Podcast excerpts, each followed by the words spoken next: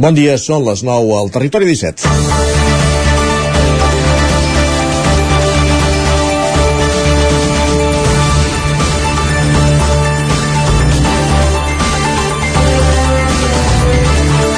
El govern va aprovar ahir l'avantprojecte de llei de la creació de la comarca del Lluçanès. Ara el procés continua al Parlament, que per lectura única haurà d'aprovar el projecte.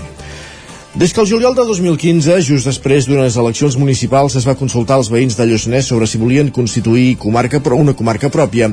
Fins ara han passat 8 anys i la proposta dormia en un calaix perquè faltava valentia política per aplicar uns resultats en què es complien els requisits de tirar endavant la comarca perquè havia guanyat el sí en la majoria de municipis, però hi havia hagut 5 dels 13 pobles on s'havia imposat el no. Ara, de sobte, amb la sortida de Junts de, del govern i quedant l'executiu monocolor d'Esquerra a la Generalitat, s'ha obert el calaix i en dos mesos s'ha volgut fer la feina que no s'ha fet en vuit anys. Dels cinc ajuntaments del no, quatre ja han votat per ple que baixen del carro i el cinquè, Sant Feliu Serra, està governat per Esquerra. Segons el projecte de llei, el Consell Comarcal, però, no es constituirà fins passades les eleccions municipals de 2027.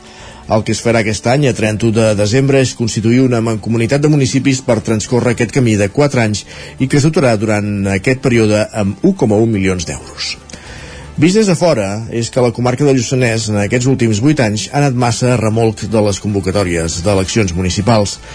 No es va fer la consulta el mateix dia que el Moianès per evitar obrir el meló abans de les eleccions, es va fer després i en un ambient enredarit per la reforma d'una carretera amb oposició veïnal, s'ha esperat 8 anys per reactivar-lo, just abans d'unes altres eleccions municipals, i si la cosa segueix el seu curs, s'acabarà constituint el Consell Comarcal després d'unes altres eleccions municipals. En aquest últim cas, ho admetem, ho admetem amb tota la lògica del món. No podem dir que s'ha anat amb presses perquè el projecte ha estat aturat 8 anys, però també s'ha de reconèixer que seria portar una vena als ulls si no hi intuïm una estratègia electoral i més tenint en compte la divisió que, que hi ha també al Consorci del Lluçanès entre els mateixos ajuntaments del CIM. Sense quatre ajuntaments, el projecte comença coix. Caldrà veure com avança. És dimecres, 22 de març de 2023, en el moment de començar el Territori 17 a la sintonia de Ràdio Cardedeu, la veu de Sant Joan, Ona Codinenca, Ràdio Vic, el 9 FM, i ja ens podeu veure, ja ho sabeu, també a través de Twitch, YouTube, el 9 TV i la xarxa més. Territori 17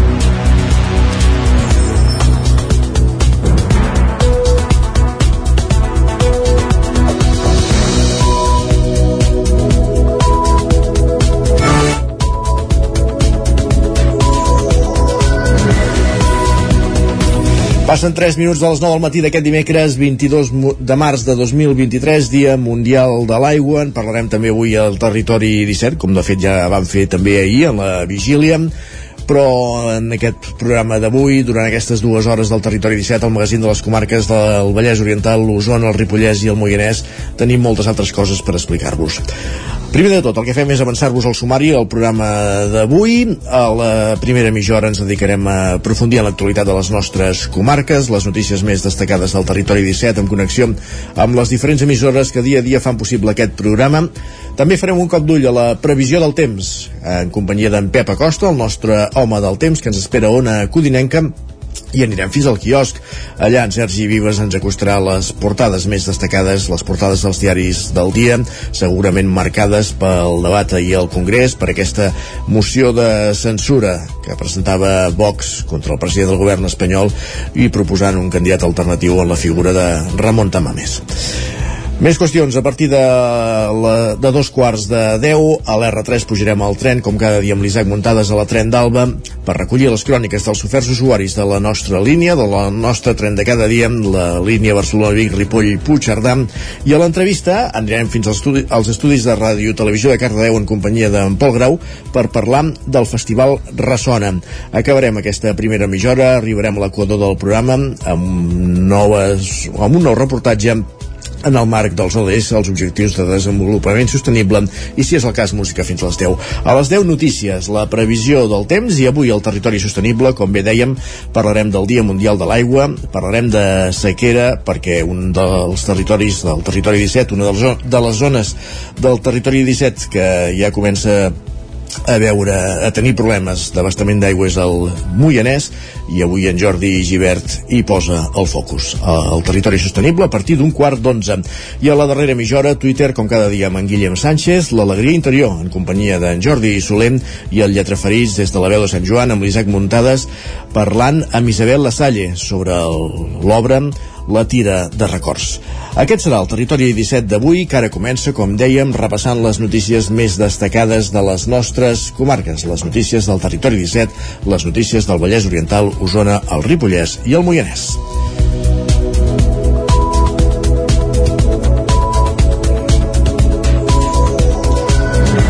El Moianès celebren el Dia Mundial de l'Aigua amb una taula rodona demà que busca explorar solucions al futur de l'abastament de la comarca.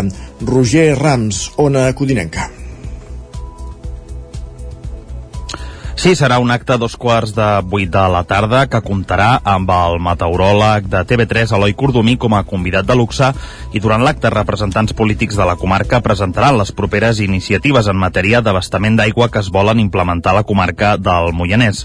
Son Soles Letan, consellera comarcal de Medi Ambient, explica que volen consensuar aquestes iniciatives amb tota la ciutadania.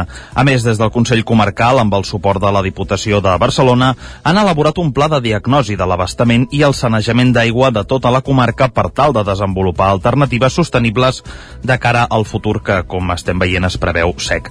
Precisament la setmana passada el Consell d'Alcaldies del Moianès va validar les primeres iniciatives que es volen dur a terme en aquest mitjà termini que es presentaran, com diem, diem avui.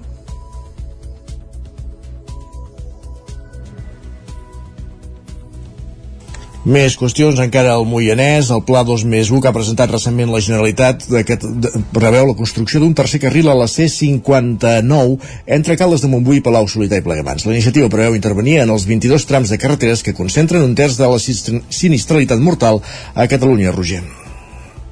Sí, els 8 quilòmetres i mig de la carretera C59 que separen Caldes de Montbui i Palau Solità i Plegamans són un dels 22 trams que el govern de la Generalitat ha inclòs en l'anomenat Pla 2 més 1 que té l'objectiu d'arribar a la sinistralitat zero en aquestes vies que concentren un terç dels accidents mortals que es produeixen a tot Catalunya. El pla preveu que la C59 entre Caldes i Palau, cares d'un sol carril per sentit, s'hi afegeixi un tercer i barreres de separació entre sentits. Escoltem Isidre Pineda, alcalde de Caldes de Montbui. Esclar, volem conèixer eh, quin és, eh, com es desenvoluparà aquest projecte. Per nosaltres el, el més important és que es posi el focus en una carretera que està molt saturada, especialment a l'hora punta, i que també es posi elements eh, de mobilitat sostenible sobre la taula dintre d'aquest uh, nou projecte, com pot ser vinculant-se amb el projecte BRCAT, per poder fer que l'autobús express que va cap a Barcelona sigui molt més directe i no trobi les cues que es troben a les hores punta. La meitat dels accidents mortals que es produeixen en aquests 22 trams de carreteres són xocs frontals. La incorporació d'aquesta mitjana que separarà tots dos sentits de circulació té per objectiu evitar-ho. Des de l'Ajuntament de Caldes encara no coneixen els detalls del projecte ni com s'afegirà al tercer carril al pont de la zona de Can Falguera, però l'alcalde explica que ja han participat en algunes reunions amb el Departament de Territori com es concretarà eh, ho estem treballant amb la mateixa Generalitat volem veure com s'enllaça això a partir de la rotonda de Palau, túnel de Can Falguera i a la variant de Palau mm, ens interessa molt especialment com a aspecte prioritari millorar els, les qüestions de seguretat posem molt el focus en uh, l'accés a Can Valls i Torrenegrell, que podria ser a través d'una rotonda, o també l'accés sud de Caldes de Montbui, on hi ha la bassa. Aquella rotonda, um, diguem-ne, quan vas cap a Sant Feliu mm, diguem que no és la més segura del món. Per tant, estem molt satisfets que la Generalitat eh, prioritzi la C-59 des del punt de vista de la seguretat i des del punt de vista també de, de, de la millora i l'ampliació d'aquesta carretera el sistema 2 més 1 incideix en dos factors relacionats amb els accidents frontals. D'una banda, els avançaments inadequats i de l'altra, la invasió del carril contrari per la pèrdua de control o falta d'atenció al volant. El pla s'inspira en accions que s'han fet a Suècia, país pioner en la seguretat viària i que preveu una inversió de 664 milions d'euros en 420 quilòmetres de la xarxa viària catalana fins al 2030. Més qüestions, anem cap al Vallès Oriental, unes 50 persones participen en una marxa contra un parc solar a Samalús, Grau, Ràdio Televisió, Cardedeu. Una cinquantena de persones es van manifestar diumenge a Samalús en contra del projecte del Parc Fotovoltaic Estaban i Generació preveu instal·lar la zona de Can Lluc i Can Quintana, a un centenar de metres del nucli del poble i en un sol agrari. La manifestació, que estava convocada per la plataforma Repensem Samalús, va anar fins als terrenys on s'hi vol posar la instal·lació en un recorregut d'una hora que va acabar amb la lectura d'un manifest. Fa aproximadament un any, un grup de veïns i veïnes ja van mostrar la seva oposició a la construcció d'aquesta infraestructura. Ara, han tornat a mobilitzar-se amb el suport d'altres entitats del territori, com el col·lectiu de la Vall del Carbonell.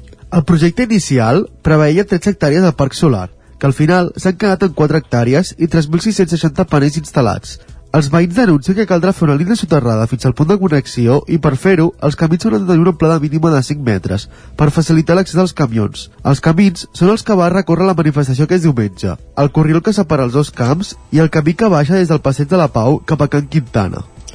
Gràcies, Pol. Anem cap a la comarca d'Osona perquè acaba la fase amb més molèsties per usuaris, familiars i treballadors eh, de les obres de millora i ampliació de les urgències de l'Hospital Universitari de Vic. Sergi Vives. En les últimes eh, sis setmanes s'ha fet la perforació al carrer que dona les consultes externes on s'ubicarà la planta soterrada la principal zona de creixement del servei d'urgències. La perforació amb maquinària pesada i sorolls i vibracions ha durat dues setmanes menys del que s'havia previst inicialment. De tot plegat n'ha parlat el director de serveis del Consorci Hospitalari de Vic, Jaume Castellano. Transcorreguts sis setmanes des de l'inici de les obres, que anem bé de temps que no hem tingut massa sorpreses i sobretot jo crec que el que hem de posar en valor és la paciència que ha tingut els usuaris, els familiars i els professionals de la institució perquè certament eh, a nivell de soroll i de disconfort acústic ha sent notable eh? A partir d'ara, la zona afectada s'hi començarà a construir el nou mòdul de boxes. Les obres, per tant, continuaran afectant la circulació de vianants i vehicles dins del, recinte, del recinte de l'hospital. També s'ha fet l'altra part prevista d'excavació amb menys impacte per als usuaris, segons Castellano. Ara, evidentment, aquest terrabastall, diguéssim, no, no hi serà, però evidentment estem fent obres i vulguis o no vulguis, les obres hi han sorolls, però ni molt menys l'impacte que suposava tenir constantment la màquina picant durant 10 hores seguides. Ara Ara entrem en el transcurs normal d'una obra, en tant en quant no entrem a dintre d'urgències, que això està previst en mitjans d'abril, doncs hi haurà certa tranquil·litat. A mitjans d'abril, tal com apuntava la Castellanos, començarà a actuar dins de les actuals instal·lacions d'urgències. El servei es mantindrà en funcionament mentre durin les obres que han de finalitzar a l'octubre. Costaran 2 milions i han de permetre ampliar de 1.400 a 1.800 els metres quadrats disponibles. Gràcies, Sergi. Més qüestions. Anem cap al Ripollès, perquè, atenció, boomers, Amistades Peligrosas, dissabte en concert a Ripoll. La Fira de les 40 Hores de Ripoll arriba al 40 aniversari de la seva represa amb més de 250 estants i el concert que us anunciàvem. Isaac Muntades, des de la veu de Sant Joan. L'Ajuntament de Ripoll, amb l'ajuda de la Unió Intersectorial Empresarial del Ripollès i Ripoll Comerç, van presentar una nova edició de la Fira de les 40 Hores, una fira multisectorial que aquest 2023 arriba als 40 anys després de la seva represa l'any 1983. El certamen s'inaugurarà el divendres a la tarda i s'allargarà durant tot el cap de setmana. El format de la fira serà el mateix que el de l'any passat i tindrà un quilòmetre i mig de llargada, amb entre 250 i 270 estants i parades d'empreses, entitats i associacions. El gerent de la UIR, Josep Pascal, detallava què es trobaria a cada espai. Volem que el centre tingui uns espais bàsicament de fira, d'exposició de temes d'artesania, de carpes, etc, que després saltaríem cap al passeig Regull i al passeig Regull hi hauria tota la secció de tot el que seria tema alimentari i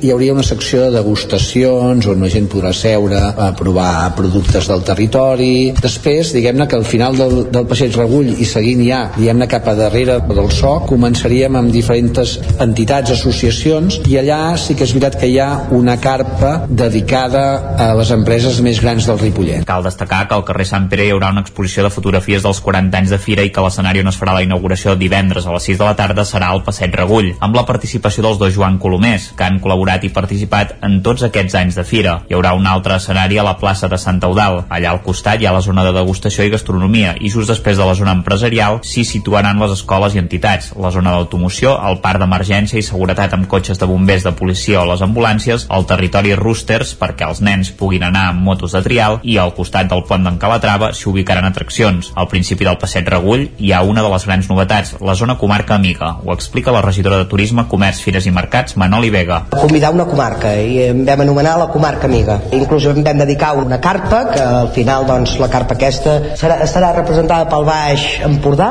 i que d'alguna manera doncs, aquest any doncs, possiblement sigui més de polletos i algun producte més bàsic, representatiu de la, de la comarca, però sí que volem que en les properes edicions aquesta representació de la comarca amiga doncs, sigui més això, eh, de producte i molt més. Gemma Ortega, de Ripoll Comerç, també va apuntar algunes activitats promogudes des de l'entitat, com un taller de risoteràpia i una demostració i explicació de minerals autèntics el diumenge i també d'altres activitats. Dissabte al matí tenim una desfilada amb Moda Re, en col·laboració que és moda sostenible, i en col·laboració amb Carol Bruguera, que els hi faran els pentinats a l'hora de fer la desfilada. També tindrem a la tarda, tindrem el, el del Passeig Regull, es presentarà la guia del formatge, amb la guia formatgera, que és amb un tastets de formatges fets per Som Formatgers. La fira estarà oberta des de les 9 del matí a les 10 del vespre i hi haurà un vermut electrònic el dissabte a la 1 de la tarda amb Pep Poblet al Passeig Regull, una cercavila amb xarop de canya a la tarda o el concert d'Amistades Peligroses a dos quarts de vuit del vespre en la gira del seu 30è aniversari. També hi haurà una cercavila de percussió amb els Diables el diumenge al matí, entre moltes altres activitats.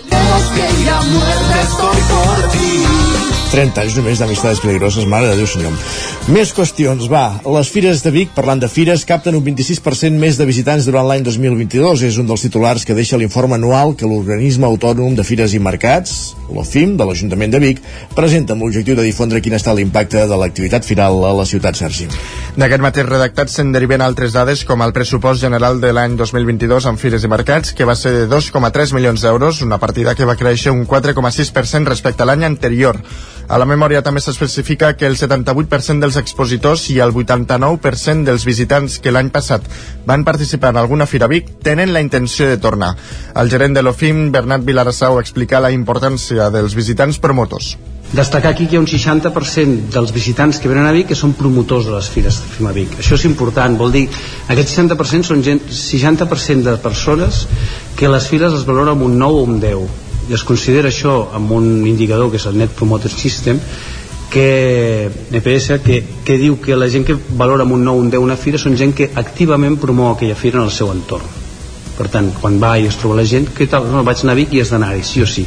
Llavors és la millor campanya de comunicació que pots fer Presentar aquesta memòria permet a l'equip de Vic Fires dotar d'acció estratègica les propostes que es duen a terme a la capital, poder avaluar-ne el compliment i per rendir comptes de la seva creativitat. Una memòria, tal com explicava Vilarassau, que porta per títol Creativitat davant la incertesa. davant d'aquest espai d'incertesa el que nosaltres diem és que hem de ser creatius ja ho vam posar en pràctica, com ha dit en Titi durant el Covid vam intentar adaptar, crear solucions i per això aquest any hem volgut titular aquesta creativitat davant la incertesa Una, cre una creativitat clau per la promoció econòmica de la capital osonenca que manté Vic com una ciutat referent en fires a Catalunya. després de dos anys molt complicats de pandèmia sent l'única ciutat que vam obtinguer eh, la mentalitat i la força de poder-nos acollir a fer i a repensar fires no? en aquells moments tan complicats el 2022 es remarca que Vic és la capital de fires i mercats quasi bé del país L'any 2022 el nombre d'empreses expositores a les fires de Vic va arribar a les 819. Durant l'any es va treballar amb un total de 500 empreses proveïdores de productes i serveis, un 66% de les quals van ser empreses locals. I una de les veus aquí sentíem, la de Bernat Vilarassau, gerent de l'OFIM, deixa el càrrec després de 8 anys, Sergi. Una plaça, la de gerència, que no estava consolidada dins del consistori que l'actual equip de govern ha optat per consolidar.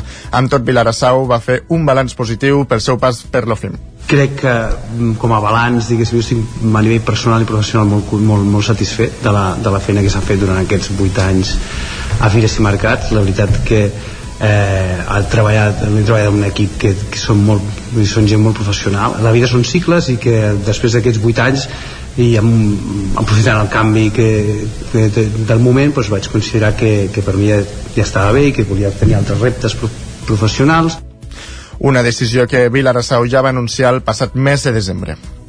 Doncs així acabem també aquest repàs informatiu que començàvem al punt de les 9 en companyia de Sergi Vives, Roger Rams, Isaac Muntades i Pol Grau, moment al territori 17 de saludar també el nostre home del temps, en Pep Acosta. Un home del temps que ens espera puntualment com cada dia a una codinenca.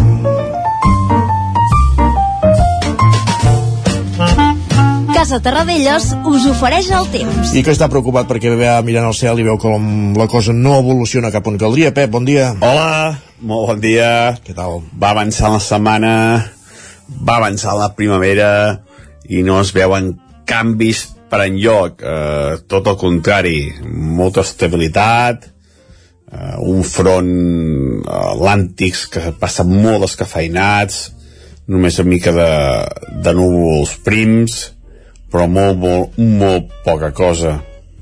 Una situació eh, molt, molt dolenta pel que fa a la pluja, pel que fa eh, en general a tot el temps sense fallar molts i molts mesos però bueno és el que hi ha, és el que toca i haurem de haurem de batallar amb el temps aquest que tenim aquests dies i el temps que vindrà. Mm, aquesta nit eh, poc freda, només alguna petita glaçada cap alta muntanya. A l'interior temperatures ja per sobre els 5 graus. Prelitoral per sobre els 10 graus. Ja veieu, eh, com la situació eh, de temperatures va pujant. Situació eh, que mica en mica eh, va, va escalfant el sol el nostre, el, el, el, nostre ambient i és que les hores de sol ja es van augmentant cada vegada més i és normal que les temperatures vagin pujant.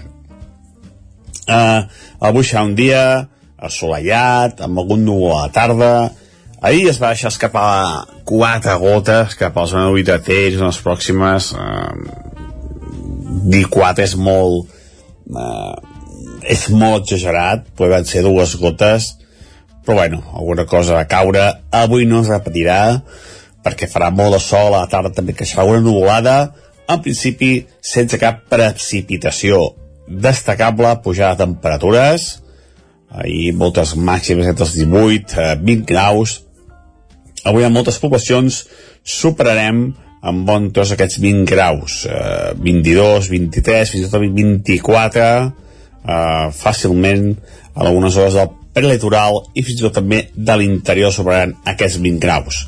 Lògicament temperatures més baixes cap al Pirineu. I aquestes temperatures més altes del normal eh, pel que fa a les màximes es mantindran més fins divendres divendres dissabte. A partir de dissabte poden baixar una mica no gaire. I el que no es veu per enlloc és la precipitació um, no, no, no veig a cap mapa precipitacions allò abundants i insistents, ni de bon tros, tots els fronts passant lluny de casa nostra, i aquest anticicló ja estarà per dies, i està bé, i quan tu estàs a un lloc, eh, òbviament, t'hi quedes, doncs eh, si vol quedar, ja sé que tindrem, anticicló, anticicló i anticicló. I això és tot. Eh, disfrutar el dia d'avui, eh, tal com, tant i com es pugui, eh, estalviar aigua, i a veure si tenim sort eh, més endavant. Moltes gràcies, adeu. Gràcies a tu, Pep. Parlem d'aquí una estona. Casa Tarradellas us ha ofert aquest espai. I del temps cap al quiosc. Perquè és moment, Sergi, de repassar les portades dels diaris del dia. Abans ja dèiem a l'inici del programa que segurament marcades per aquesta moció de censura al Congrés, sobretot els diaris de Madrid i entenc que també els de Barcelona, eh? Tots. Tots, tots, tots els diaris. Menys el, el punt avui que la portada gairebé no, no apareix res de, de la moció, sí, de la moció eh? però bueno. Uh, de per comencem? Doncs pel mateix punt avui, uh, que diu que Tamames es buida per Frankenstein. Expliquen que el candidat de Vox evita la nació catalana i ataca la sobrerepresentació separatista al Congrés. A més, també ha reescrit la Guerra Civil, que segons ell comença el 34. El periòdico en relació a la moció diu que Tamames és el convidat de pedra però per altra banda també parlen uh, d'altres qüestions, com per exemple que Catalunya no té en el dia d'avui lloc on dipositar tot l'amiant que vol eliminar. Expliquen que l'únic abocador controlat existent només té capacitat per a un milió de tones de les més de quatre que hi ha per retirar déu nhi eh? el repte de, de retirar el fibrociment, de retirar l'amiant de, uh -huh. de les teulades eh, amb un objectiu clar que és arribar al 2033 amb amiant zero veurem si, si ho complim sí, si es compleix La Vanguardia diu que Sánchez i Díaz aprofiten la censura de Tamames per reivindicar la coalició. Expliquen que el president dona protagonisme a la seva vicepresidenta que defensa el pacte de govern amb ple pols amb Podem. Afegeixen que el discurs del cap de l'executiu avisa contra el futur acord entre Vox i el PP mentre que Feijó manté silenci. Um, per altra banda, en, també han explicat que Catalunya rep més inversió estrangera, però cau al tercer lloc. Expliquen que Euskadi se situa en segona posició, amb Madrid al capdavant. Lara, sobre la moció, diu que ha reforçat a Sánchez i Díaz i ha descol·locat el PP. També expliquen que una de les polèmiques i és que Sánchez va fer hereu de Blas Pinyar a Tamames, aquí catalans i bascos diuen que blanqueja l'ultradreta. I anem cap a Madrid. El país diu que la moció ha fet cohesionar el govern de coalició. Per altra banda, parlen sobre altres qüestions. Diuen que Putin afirma que el pla xinès serveix com a base per negociar. Per altra banda, expliquen que Zelensky evita donar una resposta fins tenir contacte amb Pequín. L'ABC ha centrat la portada amb els minuts d'intervenció que ha tingut el govern i Vox a la moció de censura. Per exemple, Sánchez va parlar durant 173 minuts i Yolanda Díaz 65 i en contra Bascal en va fer 70 i Tamames 68 el que fa que el govern tingués eh, 238 minuts i Vox 138 una situació amb la que el diari diu que Sánchez ha aprofitat el regal de Vox. Expliquen que utilitza la moció de censura per cargar contra la dreta, iniciar la campanya electoral i aplaudir a Yolanda Díaz per anul·lar a Podem de fet, en aquesta línia segueix el Mundo. Diu que Sánchez i Díaz, llan i Díaz llancen el seu tiquet electoral en una moció inútil. Canviant de tema, el diari destaca que el Barça va encarregar Negreira seguint els arbitratges a l'equip RM, RM que podria ser doncs, el Real Madrid. O no, si o... M. Rajoy no és Mariano Rajoy, RM és no veritat, té és veritat, Madrid. això. Ja. expliquen, sí, expliquen que el, un exdirectiu del Club Blau- Blaugrana guardava en una caixa forta al lavabo documents top secret amb anotacions de noms i entitats bancàries. I per acabar, la Razón diu que Espanya registra 22.000 desapareguts a l'any. Expliquen que el perfil més freqüent és home de nacionalitat espanyola i que ho fa de forma voluntària. Aquests són els titulars d'avui. Tenim 20 segons ràpidament per repassar digitals, a edició d'Osona i el Ripollès del 99.cat. Doncs que el govern aprova el projecte de la comarca del Lluçanès sense Sant Boi, Sant Agustí i Sant Bartomeu. I a l'edició del Vallès Oriental. Les, doncs, destaquen aquesta estrena d'un desè jutjat de primera instància a Granollers que no eliminarà la sobrecàrrega de casos. Dit això, fem una pausa i tornem d'aquí 3 minuts. Fins ara mateix. El nou FM, la ràdio de casa, al 92.8. El 25 de març arriba l'Ubic Fest, les portes obertes de la UBIC convertides en un festival. Coneixeràs tots els graus i cicles, rebràs orientació universitària i viuràs emocions que et posaran la pell de gallina. Inscriu-t'hi ja a ubic.cat barra JPO presencial. El dissabte 25 de març vine a l'Ubic Fest, unes portes obertes que et posaran la pell de gallina. No t'ho creuràs. M'ha trucat el servei tècnic oficial de Saunier Duval perquè han detectat a distància que li falta aigua a la caldera. Era a casa i no me n'havia adonat. I què has fet? Res, perquè el meu servei de manteniment Mi Saunier Duval Connect m'ha donat una solució en qüestió de minuts. Informeu-vos a connectivitat.saunierduval.es. Saunier Duval, sempre al seu costat. Estàs preparat per aquest estiu? A Boi Galtés som especialistes en tot allò relacionat amb la protecció solar per a qualsevol necessitat d'espai, tendals, pèrgoles, escrins interiors. Anticipa't a la calor. T'assessorem i t'oferim la màxima garantia de confort i benestar per casa teva. No ho dubtis i vine a Boi Galtés. Ens trobaràs al carrer Jaume I de Vic número 5 al 93 886 1420 a la nostra web www.boigaltés.com i també som a Instagram boigaltés.tendals Cefusol, centre de formació de soldadura GURB. Som especialistes en processos de soldadura. Disposem d'instal·lacions totalment equipades per classes de teòrica i pràctica amb cabines individuals i equipaments de seguretat. Assessorem empreses i oferim cursos subvencionats i bonificats. Vine i t'informarem. Cefusol, som al carrer Sant Roc, número 9 de GURB. Telèfon 664 206 192. També ens trobaràs a cefusol.com i a YouTube. Que la gent gran pugui envellir a casa amb dignitat, autonomia i qualitat és el propòsit de la Diputació de Barcelona i dels ajuntaments. Treballem per oferir serveis com teleassistència, millora de l'accessibilitat, atenció a la soledat i activitats socials al barri. Informa't en el teu ajuntament o a diva.cat barra serveis gent gran. Diputació de Barcelona. Ser a prop vol dir veure les coses més bé.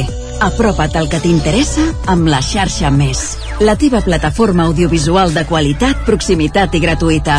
Gaudeix dels continguts de més de 30 televisions locals i podcast quan, com i on tu vulguis. Entra a la xarxa més.cat i descarrega't l'app.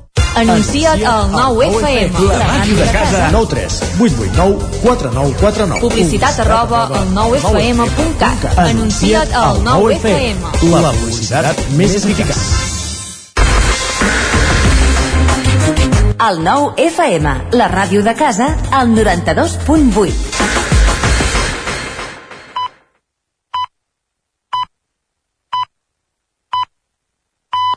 Territori 17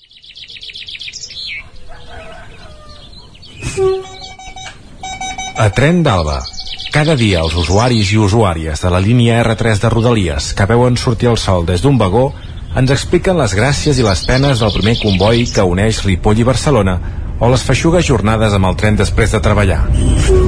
Benvinguts a Tren d'Alba. Doncs bé, bones notícies avui per començar, perquè ha licitat la renovació de les instal·lacions de l'estació de Sants, uns treballs que es faran per millorar la impermeabilització, pavimentació i el sistema d'evacuació d'aigües pluvials d'aquesta estació barcelonina. Tot plegat té un pressupost de 26,8 milions d'euros. Ja hi ha algú que comentava a Twitter que Plaça Catalunya també necessitaria una renovació. En tot cas, sí que estaria bé que quan estiguin a punt de començar les obres s'avisi a través de les xarxes socials, de megafonia o amb cartells a la mateixa estació de quina serà la la seva durada perquè la gent pugui buscar alternatives de transport, si és que realment la circulació se'n veu afectada o si hi ha d'haver talls o interrupcions dels convois. De vegades aquesta manca de planificació és un problema per Renfe. Va, ens retrobem demà amb més històries del tren i de la R3. Territori 17, el 9 FM, la veu de Sant Joan, Ona Codinenca, Ràdio Cardedeu, Territori 17.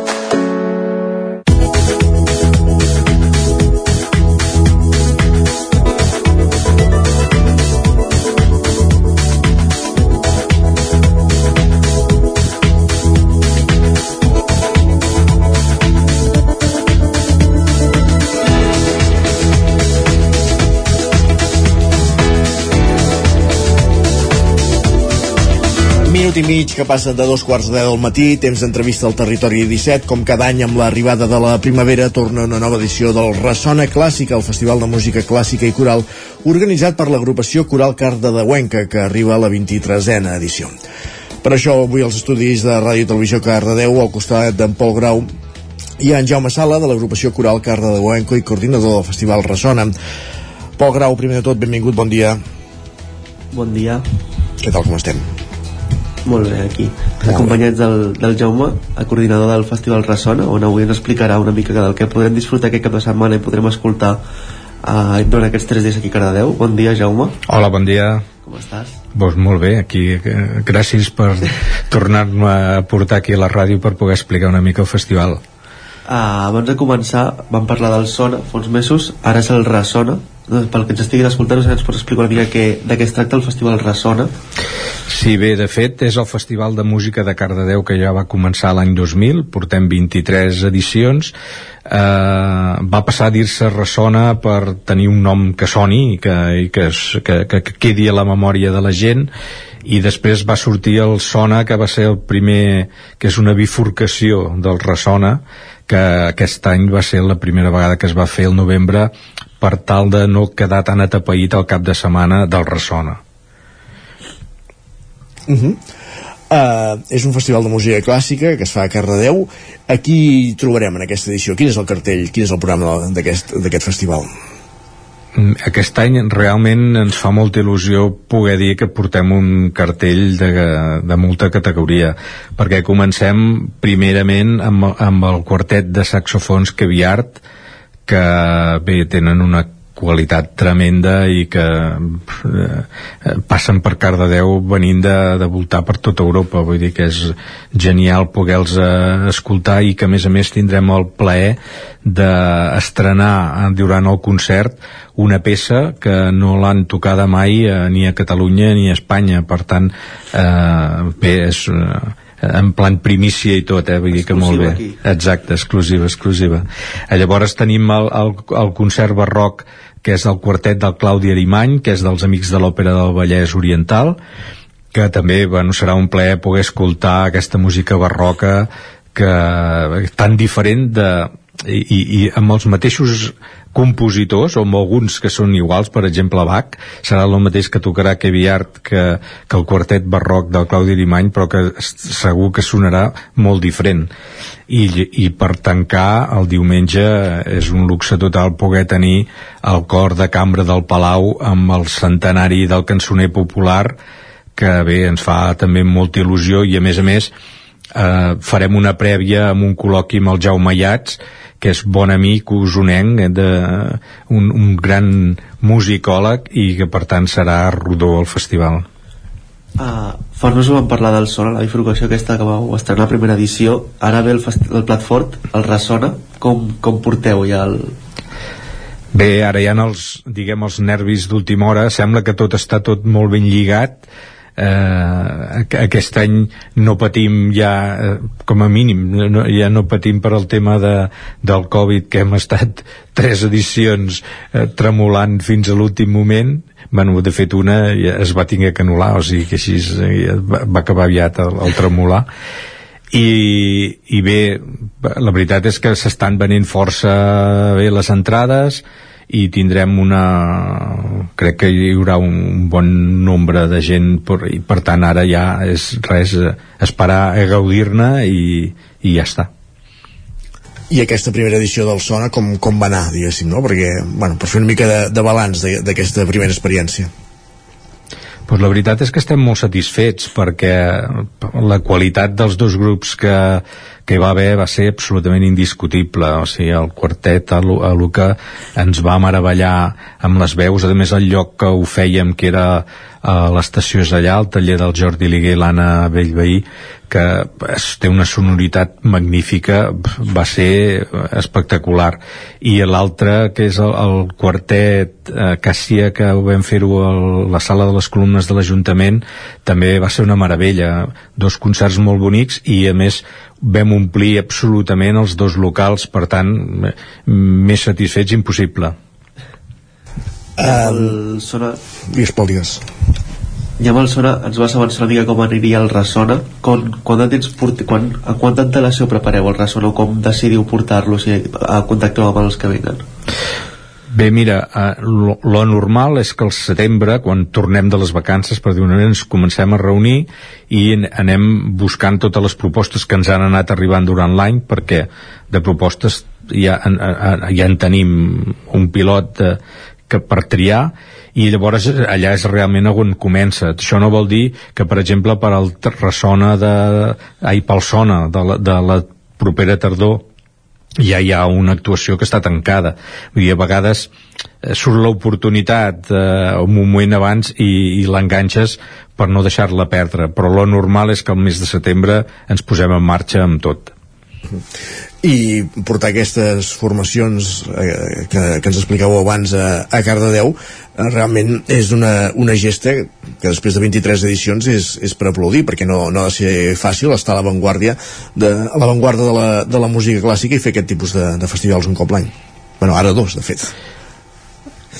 Sí, no, home, eh, la veritat és de que quan ja portes tant temps, com que ja hi ha molta gent que et coneix, la veritat és que es, podríem fer de ressones en podríem fer un cada setmana perquè de propostes musicals n'hi ha moltíssimes i moltes que et sap molt greu no poder fer perquè és que està clar que fem només un cap de setmana de, de lo que és més professional.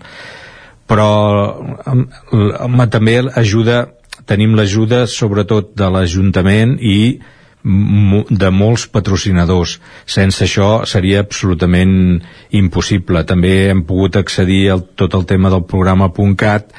Són tota una sèrie d'ajudes que permeten que ho puguis fer perquè està clar que la música clàssica mmm, per desgràcia de moment encara no omple teatre i per tant, i tampoc pots, a Cardedeu tampoc pots posar els preus que es posen a Barcelona o inclús a Vic, per dir d'una manera, però eh, ens en sortim bé gràcies a això, que hi ha molta gent que ens ajuda, que està al nostre costat i que ens ajuden a tirar-ho endavant. Uh -huh. El Festival Ressona que es fa aquest cap de setmana entre divendres i diumenge, entre els dies 24 i 26 de, de març, com bé dèiem a, a Cardeu, i que l'organitzeu l'agrupació Coral Cardedeuenca, que més enllà d'organitzar aquests festivals teniu altra activitat eh, durant l'any. Ara aquests dies atureu assajos per, per, per preparar tot el que és el festival o ho aneu compaginant? Com, com esteu funcionant, per entendre'ns?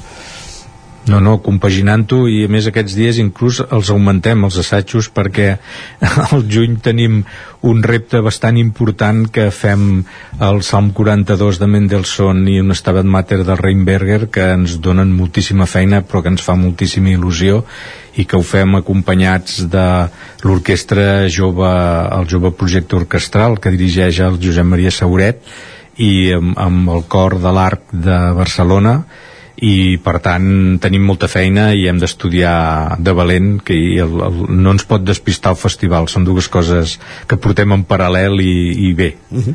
uh, on l'estreneu i, i en quins altres llocs es podrà veure aquest, aquesta peça que esteu treballant?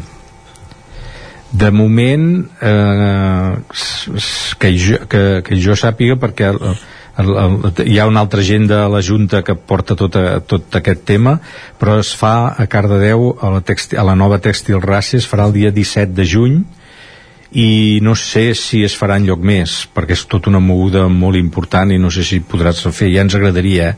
perquè quan has après aquestes obres així poder-la cantar més d'una vegada és un plaer però em sembla que serà complicat Ara citaves la, la nova Tèxtil Rase, eh, què ha comportat, diguéssim, a nivell cultural per Cardedeu la, la recuperació d'aquest espai?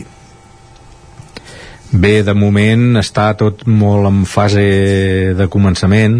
Hi hem fet algun assaig quan ens dividim per grups i tindrem aquest concert al juny però encara en, en sembla que s'ha d'establir bé tots els usos i s'han d'acabar coses, vull dir, encara hi ha bastanta feina per poder dir que la nova tèxtil racer està en ple rendiment. Uh -huh. I, I en el cas vostre, parlem una mica també de, de l'agrupació en general, quanta gent la, la formeu, com us aneu eh, això, regenerant, mantenint al llarg de, de, dels anys per anar això, mantenir, organitzant aquests concerts o preparant els, els vostres propis les vostres pròpies peces, diguéssim. Bé, ara, en aquests moments devem ser eh, uns 45 o entre 45 i 50 cantaires. Eh, la veritat és que la coral està en molt bona salut. Hi ha una junta directiva que la dirigeix l'Alfons Riera que està empencant moltíssim i que i que la veritat és que eh, està donant molt bons fruits eh, s'estan fent coses ambicioses. Portem molts anys amb l'Emilio de la Linde com a director que portem més de, de, em sembla que l'any passat ja va fer 30 anys que està, que està amb nosaltres. Per tant ens coneix bé ens apreta i, i la veritat és que hem pogut fer coses molt interessants. I llavors és el, el, el, el fet de de, de la renovació de gent i així doncs és bàsicament amb el, a base dels, amb els mateixos concerts la gent et sent, eh, se'n sent a parlar vull dir que Cardeu tampoc és tan gran. I la veritat és que a més ara el bo és que a Cardeu hi ha diverses corals. O sigui, jo quan vaig començar fa més de 20 anys enrere eh, hi havia una coral, no hi havia res, no hi havia cap més. Ara hi ha el cor en cant que és de noies, el cor de Déu que és de més de música moderna, em sembla que hi ha un cor de gospel que, que també continua, per tant hi ha més vida coral i això també és molt bo perquè eh, ajuda a, a que la gent senti parlar de cant coral, escolti cant coral i, i s'animi a cantar-ne. Uh -huh. Jaume Sala, de l'agrupació coral Cardeuenca, estem parlant de inicialment d'aquest festival Ressona que es farà aquest cap de setmana, però hem acabat parlant també de, de la resta d'activitat de l'agrupació. Eh, ja per acabar, fem un repàs ràpid aquests tres concerts que conformen el festival que es podran veure entre divendres, dissabte i diumenge al Teatre Auditori de Cardedeu. Sí, mira, el, comencem el divendres amb Keviart, el quartet de saxofons, a la, al teatre, tots els tres actes són al Teatre Auditori i aquest és a les 8 del vespre. El dissabte també a les 8 del vespre hi ha el quartet del Claudi Arimany, de música barroca, i el diumenge a les 7 de la tarda tenim el cor de cambra del Palau amb el cançoner popular contemporani, celebrant el centenari del cançoner popular, i prèviament a dos quarts de sis el Jaume Iats farem un col·loqui a la, a la sala Sarau que es necessita lògicament l'entrada del, del concert per poder-hi accedir. I tot això, si algú encara no té les entrades doncs a teatre auditoricardedeu.cat i sí, o a la taquilla el dia, de, el dia del concert. Encara, i encantats de rebre'ls. encara n'hi ha d'entrades per tant, eh? Com, com està sí, sí, encara, encara n'hi ha. Us podeu animar i venir tots, sí. Perfecte, doncs Festival de Música de Cardedeu el ressona aquest cap de setmana al Teatre Auditori. N'hem parlat amb en Jaume Sala de l'agrupació Coral Cardedeuenca que, que és la qui ho organitza. Moltíssimes gràcies Jaume per acompanyar-nos una, acompanyar una vegada més i que vagi molt bé aquest festival. Gràcies a vosaltres per convidar-me. Gràcies, Pol, també. Parlem més tard. Més tard, bon dia. Fins ara. I nosaltres que avancem al territori 17 hem parlat de música clàssica i tot seguit el que farem serà endinsar-nos al món dels objectius de desenvolupament sostenible, els ODS, com fem cada dimecres per arribar a l'equador del programa, del programa, per arribar al punt de les 10. Territori 17. Envia'ns les teves notes de veu per WhatsApp al 646 079 023. 646 079 023. WhatsApp Territori 17.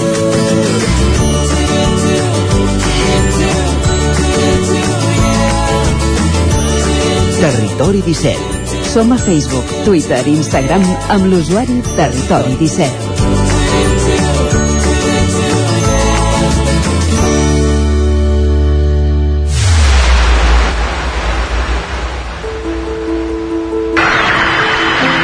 Porque yo podría y me atrevería a decir que el individuo no es más que un eslabón, un pequeño eslabón en una larguísima cadena, cuyo origen se pierde en la noche de los tiempos i cuyo fin està todavía por forjar. L'aleteig d'una papallona es pot sentir a l'altra punta del món. Tot comença per tu.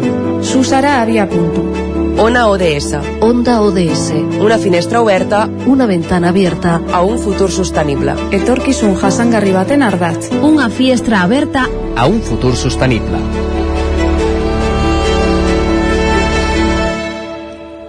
Gorditas, no somos menos bonitas. Hay una ley en la calle que no sé quién coño impuso. Seguramente una gente con el gustito en el culo que dice que una mujer debe ser de una manera, con unas ciertas medidas, y las demás quedan fuera. Hay que romper en pedazos ese tipo de simpleza en que unos tontos dictan nuestro canon de belleza. Somos mucho más que un cuerpo, somos alma e intelecto, somos la fuerza del mundo, el motor del universo. Así que, gorditas, no somos menos bonitas. Sí, Pepper Solana, la cantante de Mucha Pepper. Bueno, yo llevo en la industria de la música desde que tenía 12 años y cuando era pequeña pues tenía sobrepeso y durante toda mi carrera lo he pasado muy mal pues porque bueno eh, mucha gente de la industria me ha dicho que no y me han cerrado puertas por mi físico. Aunque nunca tuviera un sobrepeso exagerado bueno me hicieron sentirme muy insegura y de hecho cuando tenía 19 años eh, fui bulímica durante durante casi un año y, y bueno fue una etapa muy dura para mí así que escribí el tema de gorditas eh, bueno, pues para darle a, a, las niñas que tienen el mismo problema que yo un, un tema que puedan escuchar y que les dé que les dé fuerza en esos momentos difíciles. Todo fácil si estás buena, si eres gorda algo falla. Hay que romper en pedazos ese tipo de simpleza en que unos mierdas dictan nuestro canon de belleza. Somos mucho más que un cuerpo, somos alma e intelecto, somos la fuerza del mundo, el motor del universo. Así que, gorditas, no somos menos bonitas de arriba.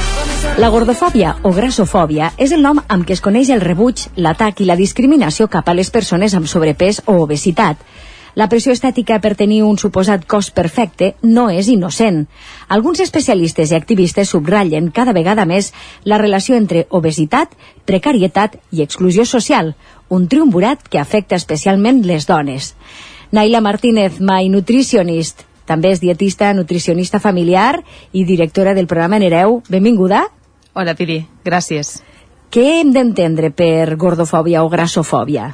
Doncs és la por a estar gras, però també la, la por a que la resta de les persones estiguin grasses. O sigui, és, és aquesta por a, a, al sobrepès o l'obesitat.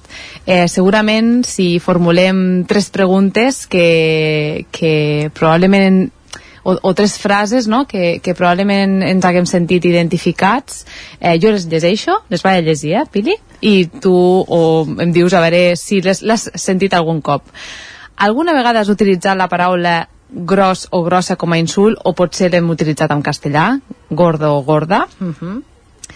penses que series més feliç si baixessis de pes? creus que les persones grasses no tenen una bona salut? Doncs et diria que sí a les tres. No? En el meu cas, he respost sí a les tres. He pensat en un insult com gorda, eh, he pensat també que si fos més prima seria més feliç, i també no, el concepte de si ets una persona gorda no tens bona salut. Exacte, que probablement moltes vegades definim la salut de les persones pel seu volum i no és així, no sabem el seu historial clínic, per tant, no podem saber si aquesta persona gaudeix de salut o no. Per tant, eh, quan nosaltres anem al metge i el metge només ens veu el pes, això eh, s'està fent bé o no? És a dir, Eh, això és grassofòbia també. Això és grassofòbia també? doncs sí, perquè moltes vegades eh, no és necessari saber el pes d'una persona per definir la seva salut.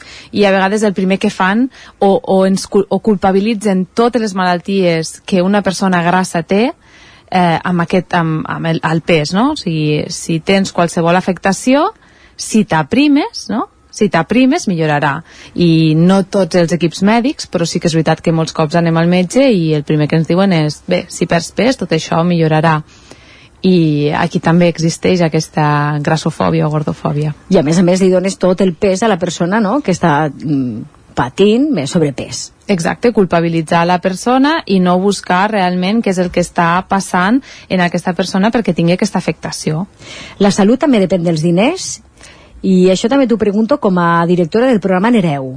Sí, depèn dels diners. Eh, sí que és veritat que tenim un, un determinant, no? el, el, el fet de tenir una renta més alta o més baixa. En el cas de l'obesitat, per exemple, doncs, i l'obesitat infantil, eh, tenim l'informe Aladino del 2019 que ens diu que hi ha un 16% més d'obesitat en nens i nenes amb, que viuen en famílies amb rentes més baixes. Per tant, si eh, el poder adquisitiu o, el, o les rentes de les famílies tenen a veure amb, amb el sobrepès i l'obesitat i també tenen a veure amb, amb la salut en altres factors, però no ens allargarem amb això. I ara parlaves de l'informe Aladino, eh, per tant, quan comença la gordofòbia? La gordofòbia comença quan som petites i ho dic en femení perquè tot i que és un concepte generalitzat no? i que sembla que no tingui gènere, les dones en patim molt més i quan som petites doncs ja ens comencen a titllar o ens comencen a, o ens comencen a arribar diferents eh, frases no? o, o ens comuniquen o les persones del nostre entorn eh, que fan que comencem a tenir eh, aquesta grassofòbia cap a nosaltres mateixes perquè la por a estar grassa jo mateixa, no? Uh -huh.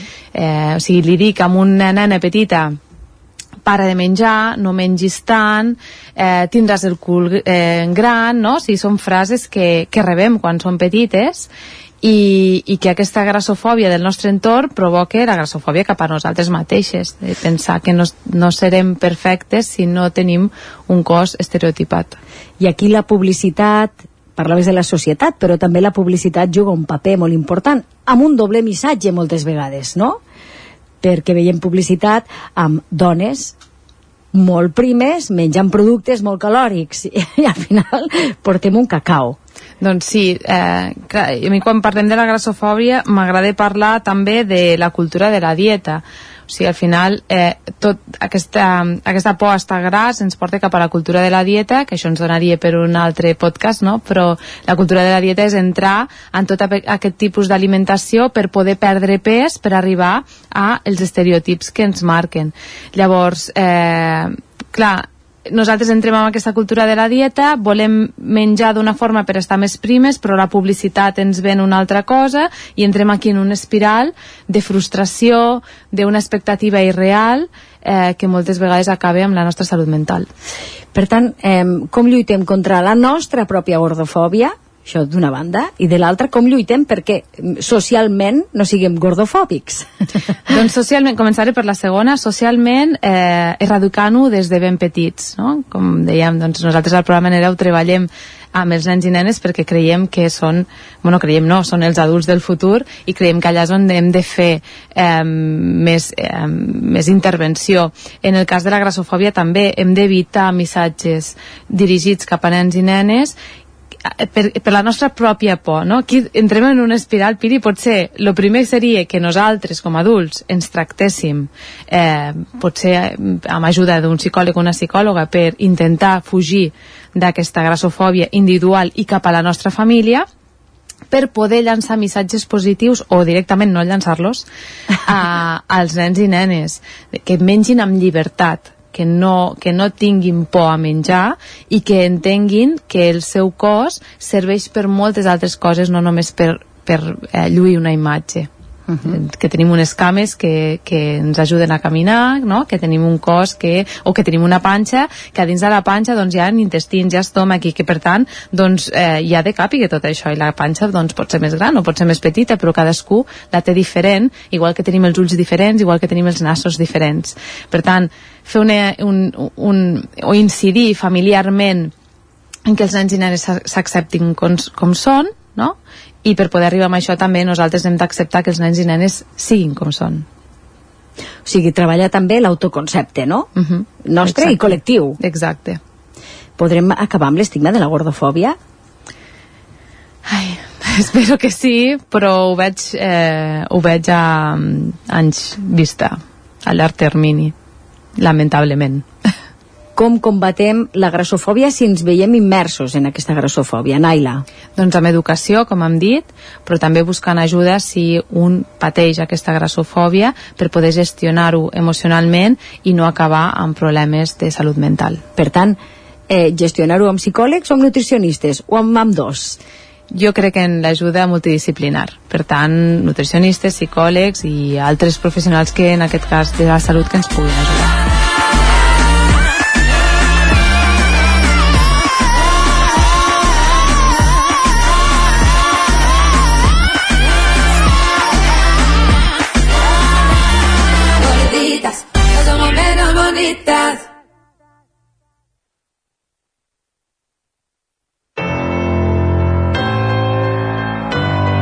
Territori, Territori 17. 17.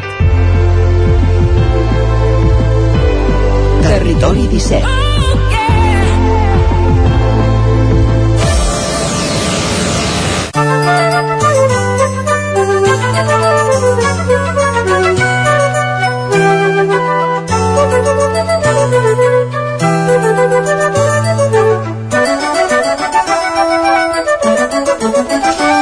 Recte final d'aquesta primera hora del Territori 17 arribarem al codi del programa amb música, amb el nou disc de la formació de folk catalana El Poni Pissador, que de fet no és un disc en solitari d'aquesta formació de folk, sinó que aquest disc de Longest Pony és un disc conjunt amb The Longest Jones, els creadors del hit viral Wallerman, un grup eh, britànic amb qui, com dèiem ara, uneixen esforços al Pony Pissador per presentar-nos les cançons d'aquest nou disc, entre les quals aquesta que sona de fons, All for Me Rock, eh, al territori 17 fins al punt de les 10, el Pony Pissador, en companyia de Longest Jones.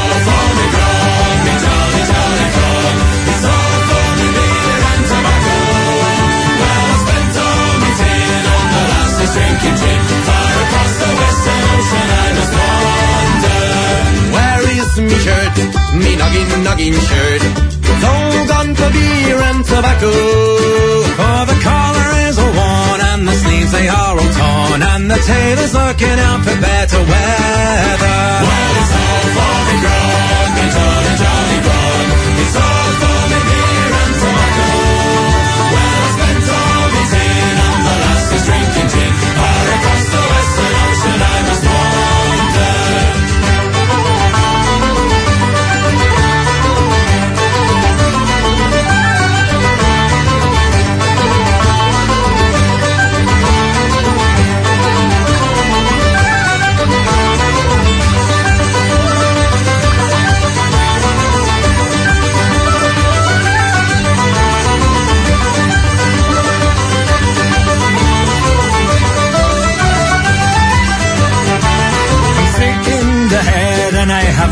to bed since first I came ashore with me plunder.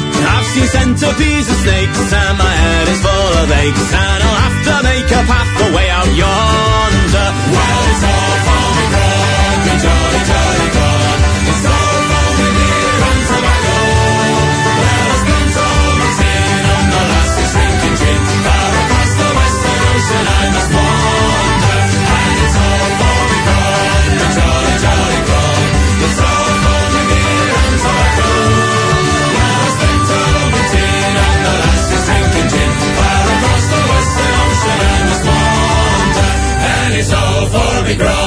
me jolly, jolly grog. It's all for me beer and tobacco. Well spent all my tin on the lasses drinking gin. Far across the western ocean I must wander, and it's all for me grog, me jolly, jolly grog. It's all for me beer and tobacco. Well spent all my tin on this studio. Aquesta hora és moment al Territori 17 d'actualitzar-nos, de posar-nos al dia amb les notícies més destacades de, la nos de les nostres comarques, el Vallès Oriental, l'Osona, el Ripollès i el Moianès, i ho fem en connexió amb les diferents emissores que dia a dia fan possible aquest programa. Per explicar-vos a aquesta hora, com avançàvem a la portada, que el govern de la Generalitat, el Consell Executiu, ha aprovat el projecte de llei per la creació de la comarca del Lluçanès sense Sant Boi de Lluçanès, Sant Agustí ni Sant Bartomeu del Grau. Tampoc en forma part Santa Maria de Barlès del Berguedà. Sergi Vives. En aquestes quatre poblacions i també a Sant Feliu Sacerra, que en la consulta de l'any 2015 hi va guanyar el no a la comarca, es deixa la porta oberta que puguin integrar-se a la comarca del Lluçanès, però haurien d'esperar-se a la seva creació definitiva l'any 2027. Ho explicava ahir la portaveu del govern, Patricia Plaja. La proposta que se'ls fa és que aquests municipis tenen un marge de temps per gestionar el, resol el resultat més endavant i per si es replantegen la possibilitat o no de formar part d'aquesta comarca lliurement i legítimament podran integrar-se uh, definitivament a la comarca del Lluçanès o no si és que mantenen la, la posició actual. Com ja s'havia avançat en l'última reunió entre els representants del territori i el secretari de Governs local, David Rodríguez, el projecte de llei estableix que el Consell Comarcal del Lluçanès s'haurà de constituir després de les eleccions municipals de 2027. Fins aleshores, l'ens de representació i gestió serà la mancomunitat de municipis de la comarca del Lluçanès, que els pobles que en vulguin formar part hauran de crear abans no s'acabi aquest any. La capital serà Prats de Lluçanès, on hi haurà la seu oficial dels òrgans del govern del govern.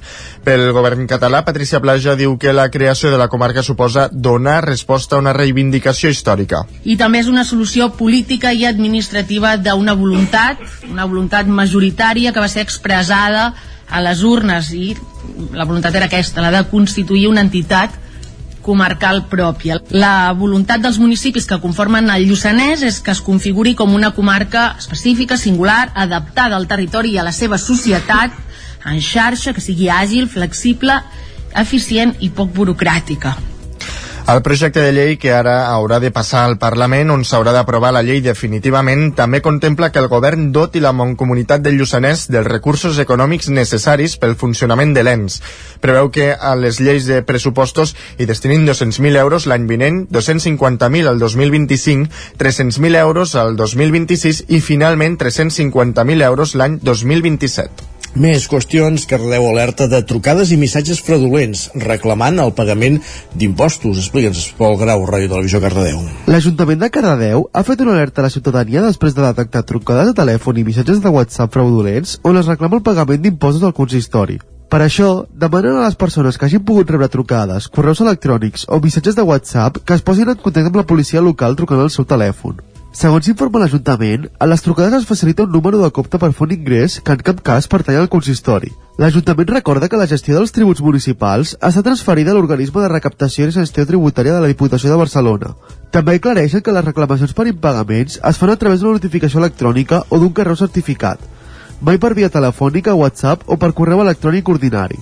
Per tant, si es reben peticions per aquesta via, es tracta de missatges fraudulents. I avui, Dia Mundial de l'Aigua, un dels llocs on ja comencen a patir restriccions per la sequera és el Moianès, que explora solucions per al futur de l'abastament d'aigua a la comarca. Roger Rams, zona codinenca. Sí, avui es fa una taula rodona, serà en un acte a dos quarts de vuit de la tarda, en el qual els representants polítics de la comarca presentaran les iniciatives en matèria d'abastament d'aigua que es volen implementar aquí al Moianès. Son Soles Letan, consellera comarcal de Medi Ambient, explica que volen consensuar aquestes iniciatives amb la ciutadania. Entre elles, òbviament, està de difusió a la ciutadania de la feina que s'està fent, però també recollir les seves inquietuds. I bé, i com sabeu, eh, tenim una problemàtica eh, en abastament d'aigua potable a la comarca, sobretot en la part sud.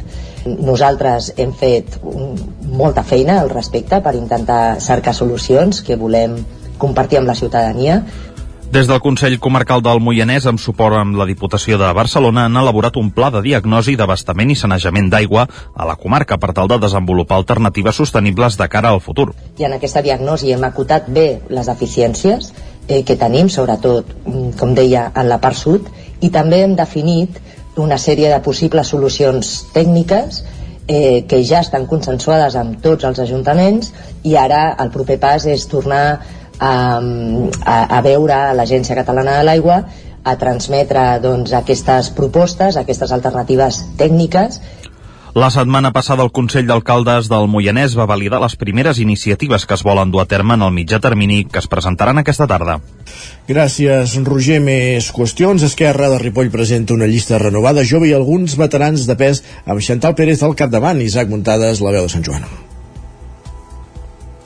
Isaac. Aquest dilluns al vespre, Esquerra Republicana de Catalunya de Ripoll va presentar tota la llista electoral amb què concorrerà a les pròximes eleccions municipals del 28 de maig. La cap de llista i actual regidora d'Esquerra a l'Ajuntament, Chantal Pérez, va subratllar que es tracta d'una candidatura feta per governar que s'ha renovat, però que també hi aporta gent amb experiència. En total, la llista la formen 27 persones, els 17 titulars i fins a 10 suplents. Roger Bosch, que és regidor de l'oposició al consistori des del 2011, repetirà com a número 2. També ho farà Lluís Oriols de número 4, que actualment també és a dir edil del consistori. A la llista també hi ha l'exregidora Carme Serrano de número 7 i la consellera d'Acció Climàtica, Alimentació i Agenda Rural i exalcaldessa Teresa Jordà, que tanca la llista simbòlicament. Entre les cares noves destaca el número 3, Rosa Martínez, que és mestra però en l'actualitat fa de mentora digital i assessora als centres educatius en aquesta temàtica. En la cinquena posició hi ha Clàudia Navío, que entre altres coses és membre de la comissió de festes. També hi ha Ramon Canadell de número 6, que és extresorer de l'Ajuntament de Ripoll i ara està jubilat, i Xevi Escrivà de 8, que és una de les cares visibles de la comissió Comissió de Festes Infantil. Entre les cares joves també hi ha Marina Bassaganya de número 9, que és psicòloga clínica, i Jordi Masdeu, molt vinculat al Club de Bàsquet de la Vila i que treballa de tècnic comercial a Some, tanca els 10 primers llocs de la candidatura, en què també s'hi troba Casilda Gómez de Càritas Interparroquial de Ripoll de suplent. Així definia Pérez la llista. És una llista paritària, formada per persones de molt diferent edat i una llista de gent que trepitja cada dia a Ripoll. Dones, que això és una cosa que entenem,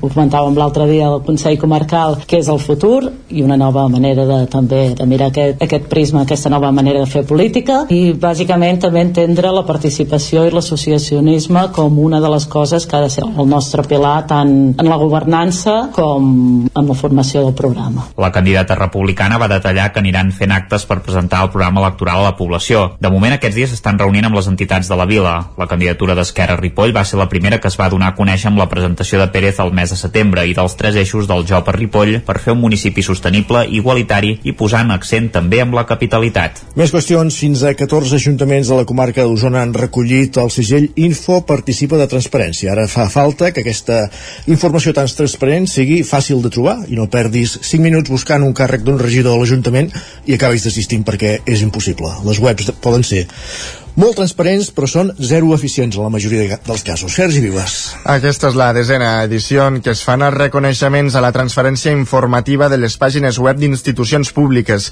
En total es van lliurar 150 segells, entre els quals els ajuntaments de Vic, Manlleu, Torelló, Tona, Centelles, Roda, Taradell, les Masies de Voltregà, Sant Julià de Vilatorta, Prats de Lluçanès, Gurb, Tavernoles, Montesquieu i Vilanova de Sau. L'informe l'elabora cada any al Laboratori de Periodisme i Comunicació per a la Ciutadania Plural de la UAB i valora que la informació estigui publicada, sigui accessible, clara, ordenada i fàcil de localitzar.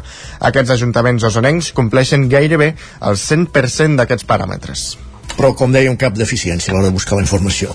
Més qüestions. Vic ha celebrat el Dia Mundial de la Poesia homenatjant l'obra del rector de Vallfogona, Miquel Martí Pol i Anna Dodes, un acte que va tenir lloc a la Biblioteca Pilarín Vallès de Vic. De fet, ha estat la primera vegada que aquesta biblioteca ha acollit l'acte de commemoració del Dia Mundial de la Poesia. Aquest el va obrir el poeta i filòleg Xavi Pujol Molís, llegint el poema Tant si baixes la vista vers la immunda de Francesc Vicent Garcia, el rector de Vallfogona. Després d'ell, quatre alumnes del Centre de Normalització Lingüística d'Osona llegint una traducció en les seves llengües d'origen, l'ucraïnès, el castellà, el penjabi i l'àrab. Pujol ha parlat sobre aquest poema. És aquell sonet famós que acaba amb, amb el vers que diu sempre piu lector seràs un asa, és a dir, sempre eh, fidel lector seràs un ignorant. Tota la resta de construcció del poema um, ens parla de grans coses, d'elements de, de còsmics, etc, de Mars furibund, uh, i acaba amb aquesta uh, metàfora de decepció que diuen els, els estudiosos de, de l'època, uh, en què et sorprèn com a lector la lectura es feia després de conèixer la figura del rector de Vallfogona, a qui s'ha dedicat el Dia Mundial de la Poesia arreu del territori català. Amb l'acte també es presenta, es pretenia acostar la poesia al públic jove, tal com explica el director de Serveis Territorials de Cultura a la Catalunya Central, Francesc Serra. Veiem també que la poesia s'ha d'anar rejuvenint una mica el personal, no?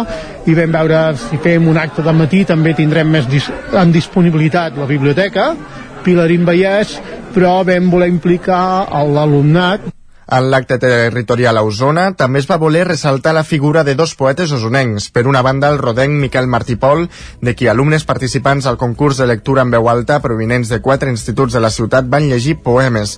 I per altra banda, es va voler posar en valor la jove poetesa Ana Dodes, que aquest any faria 60 anys, de qui també es va llegir part de la seva obra.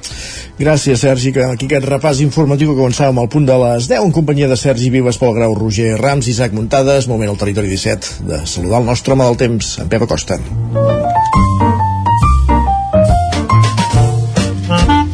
Casa Terradellos us ofereix el temps.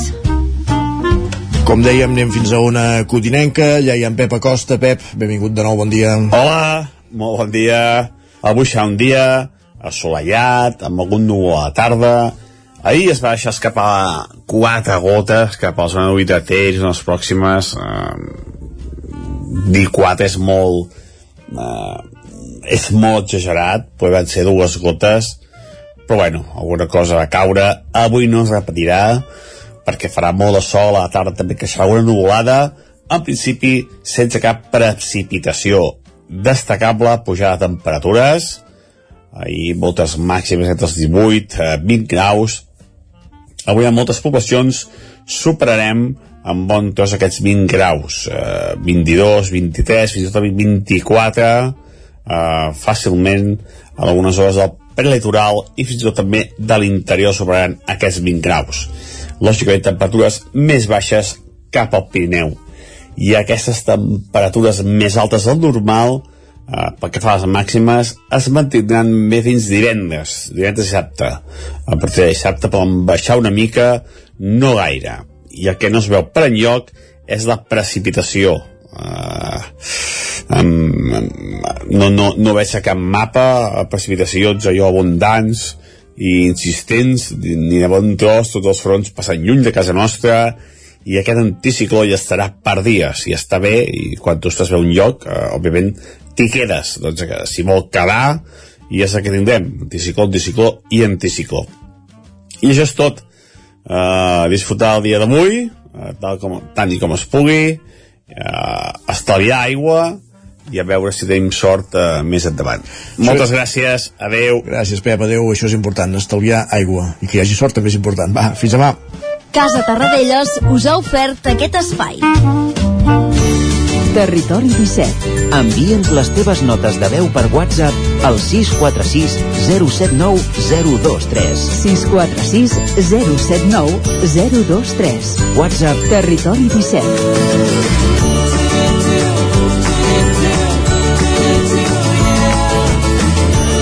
Territori 17. Som a Facebook, Twitter i Instagram amb l'usuari Territori 17.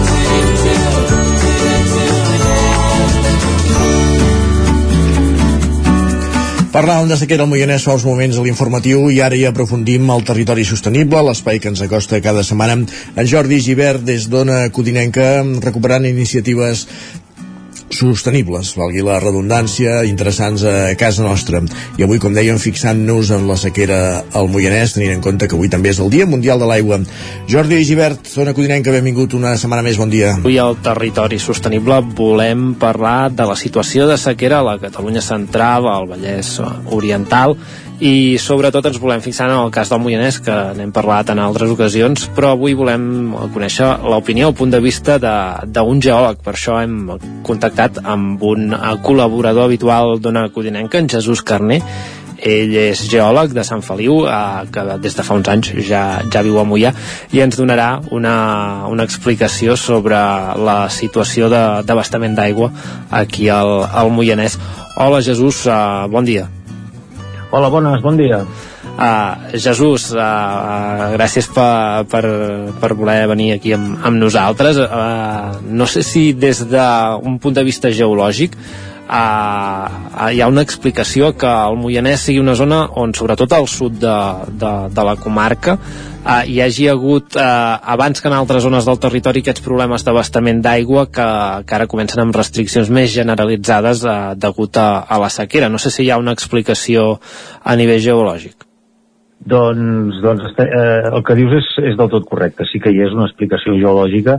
Hem de pensar que el Moianès és, eh, si ara pensem en la topografia i ens fiquem el Moianès al cap, és un, és un altiplà, és una zona alta, elevada, respecte a tot el que l'envolta, totes les comarques que l'envolten. Si ens, ens eh, imaginem, per exemple, el Bages, doncs el Bages és una comarca que és almenys el, el que toca amb el Moianès més baix, igual que passa amb el, amb el Vallès Oriental, igual que passa amb, amb, amb la plana de Vic.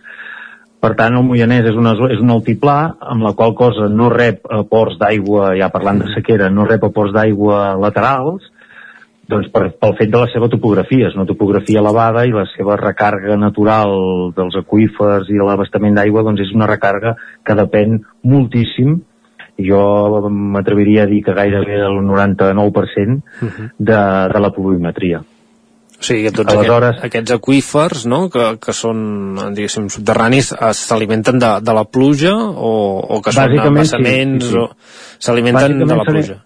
Correcte, bàsicament s'aliment- s'alimenten d'aigua de la pluja i a més a més el, Mo- el Moianès té una altra característica que és que si nosaltres poguéssim mirar un model 3D tre- eh, de- de- d'aquests de- que l'Institut Cartogràfic disposa, veurem que la xarxa de drenatge eh, se'n va gairebé tota cap al, cap a, cap al Bages. La, sí. El 75 o el 80% de la superfície del Moianès drena cap, a, cap al Bages.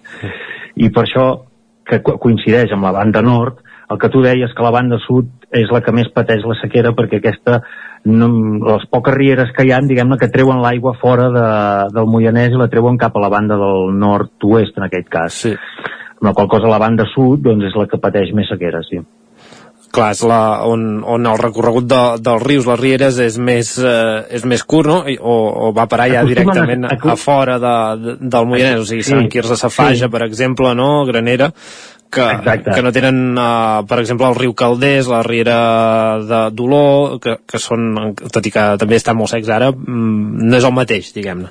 No, a més a més has de pensar que el, a la banda sud, que és on hi ha tots els cingles del Bertí i tota la, per, per, per Mhm. sota de Castellterçol és una zona topogràficament elevada, per tant és la, la conca de recepció del que seria la, la, els rius, i clar, eh, si no plou, doncs és, és una de les zones que està molt més seca que no pas la zona, diguem-ne, on els rius té més, més profunditat perquè allà acumula molta més aigua. En canvi, les capçaleres pateixen molt perquè depenen moltíssim de la pluviometria. Uh, quines, uh, quines solucions hi poden haver veient que en, uh, les previsions en els uh, pròxims anys, dècades amb situació de canvi climàtic uh, la pluja cada cop uh, sembla que, que serà més escassa o, o que no tindrem aquestes uh, el clima canviarà, vaja, que anirem cap a períodes més secs A veiem, um, uh, en aquesta zona d'aquí, uh, la solució número 1 i la més um, impepinable de totes és que plogui. I, I no estic parlant de que plogui una setmana. Ha de ploure generosament bastant temps. Hem de pensar que l'altre dia va, va publicar l'Agència Catalana de l'Aigua que portem 29 mesos de sequera. I als- aleshores estàs, estàs arrossegant una sequera de més de dos anys acumulada. Uh, aleshores, uh, per recuperar els nivells i per recuperar els aquífers a nivells, diguem-ne, que es, podi, es podien considerar normals, hauria de caure molta aigua i, a més a més, una aigua que hauria de caure, mm, el que se'n diu, mm, ben caiguda, d'aquella de que s'aprofita tota, saps? Amb una intensitat adequada perquè es filtrés, perquè no es perdés per la, per, per, la, per les rieres, no? aleshores s'hauria de filtrar. Per filtrar hauria de ploure molt i lentament perquè donés temps a que, a que es recarreguessin els aquífers. Però recuperar una sequera de 24 me, de 29 mesos, perdona, sí. eh, és un tema complicat, eh? Eh, aquí ens hauríem de posar molt les piles en el tema d'estalviar aigua, però l'aigua l'hauríem d'estalviar quan la tenim, no ara que no tenim. Ara és, molt, ara és impossible estalviar, no pots estalviar res si no tens. Quan Ja tu tens de una bassa... abans. Clar, quan tu tens una bassa buida, mm, no pots pas estalviar aigua, perquè si no n'hi ha, de- la- la- l'has d'estalviar quan, quan tu la tens plena. I lamentablement no ens en recordem mai d'això. No ens en recordem mai d'estalviar l'aigua quan, quan tenim reserves a, a nivells eh, acceptables. Ens en recordem ara, quan patim perquè qualsevol dia obrim l'aixeta i, i, i, no surti aigua, no? Aleshores, aquí aquí el Moianès, el que em deies, eh, doncs la solució passa, un, per estalviar al màxim l'aigua, i dos, que eh, jo ja he sentit a dir que hi ha algun ajuntament que ja s'ho mig planteja, eh, igual hauríem de connectar eh, a Aigües Ter Llobregat o alguna, sobretot la banda sud, que és la més propera, i no tirar tant de pous, perquè els pous passa que, que sí, la qualitat de l'aigua és molt millor, i tothom vol un pou al seu, al seu municipi i, gestionar-ho tu i, i, i fer el, la gestió de l'aigua doncs cada municipi vol la seva no? Però, però com que hi ha aquestes sequeres tan pronunciades i tan greus i els nivells es desploma, els nivells de l'aigua subterrània vull dir, eh, baixen tant activar de pous és perillós. I aleshores jo crec que s'hauria de començar a plantejar connectar a Aigües Ter Llobregat que és, o, o algun sistema així aquestes que, xarxes d'aigua d'alta no? que, que mm, són de, de les conques de, del Llobregat, del Ter de, Exacte, que- que que, ai- que abasteixen les correcte. ciutats diguem-ne correcte, que agafen aigua del Ter, del Llobregat, que són rius que eh, fins a dia a data d'avui porten sempre aigua i amb la qual cosa poc o molt sempre pots tibar d'aquí, no? Uh, si canviem una mica de comarca i ens n'anem a Osona, aquestes setmanes hem vist les imatges del pantà de Sau completament uh, sec. Uh, no sé si a nivell uh, um, geològic això uh, vosaltres ho aprofiteu per estudis, uh, si té algun impacte uh, a nivell geològic uh, o de cara a futur, uh, ambiental segur que en té. Ambiental segur que en té. De fet, eh, ahir o abans d'ahir van començar a treure peixos perquè com amb un 10% de capacitat d'aigua, eh, clar, si es comencen a morir els peixos, l'aigua quedarà contaminada, no?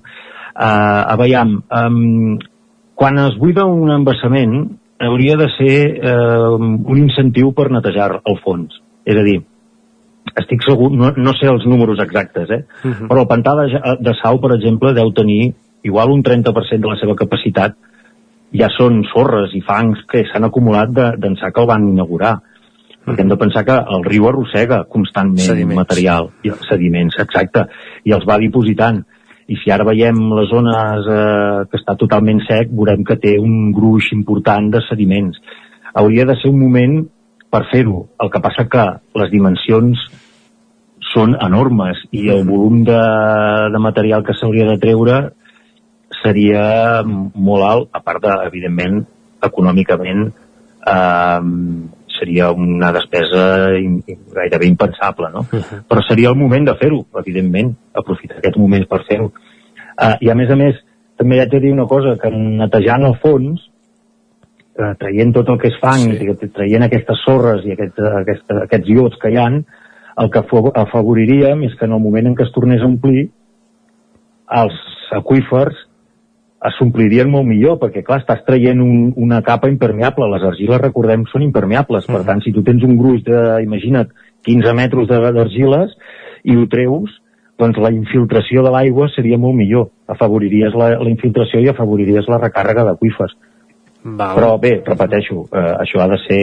Jo no, no, no disposo de les dades exactes, però ha de ser una cosa caríssima. Hem de pensar en les dimensions que té el pantà de Sau.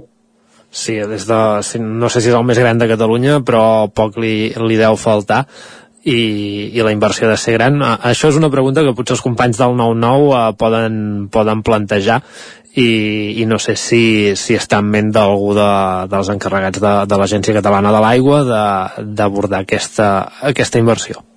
Jo sincerament crec que ni s'ho plantegen, eh? perquè evidentment imagina't el volum de, de sediments que surt d'aquí i et planteges, bueno, on els poso? I després quina logística necessito?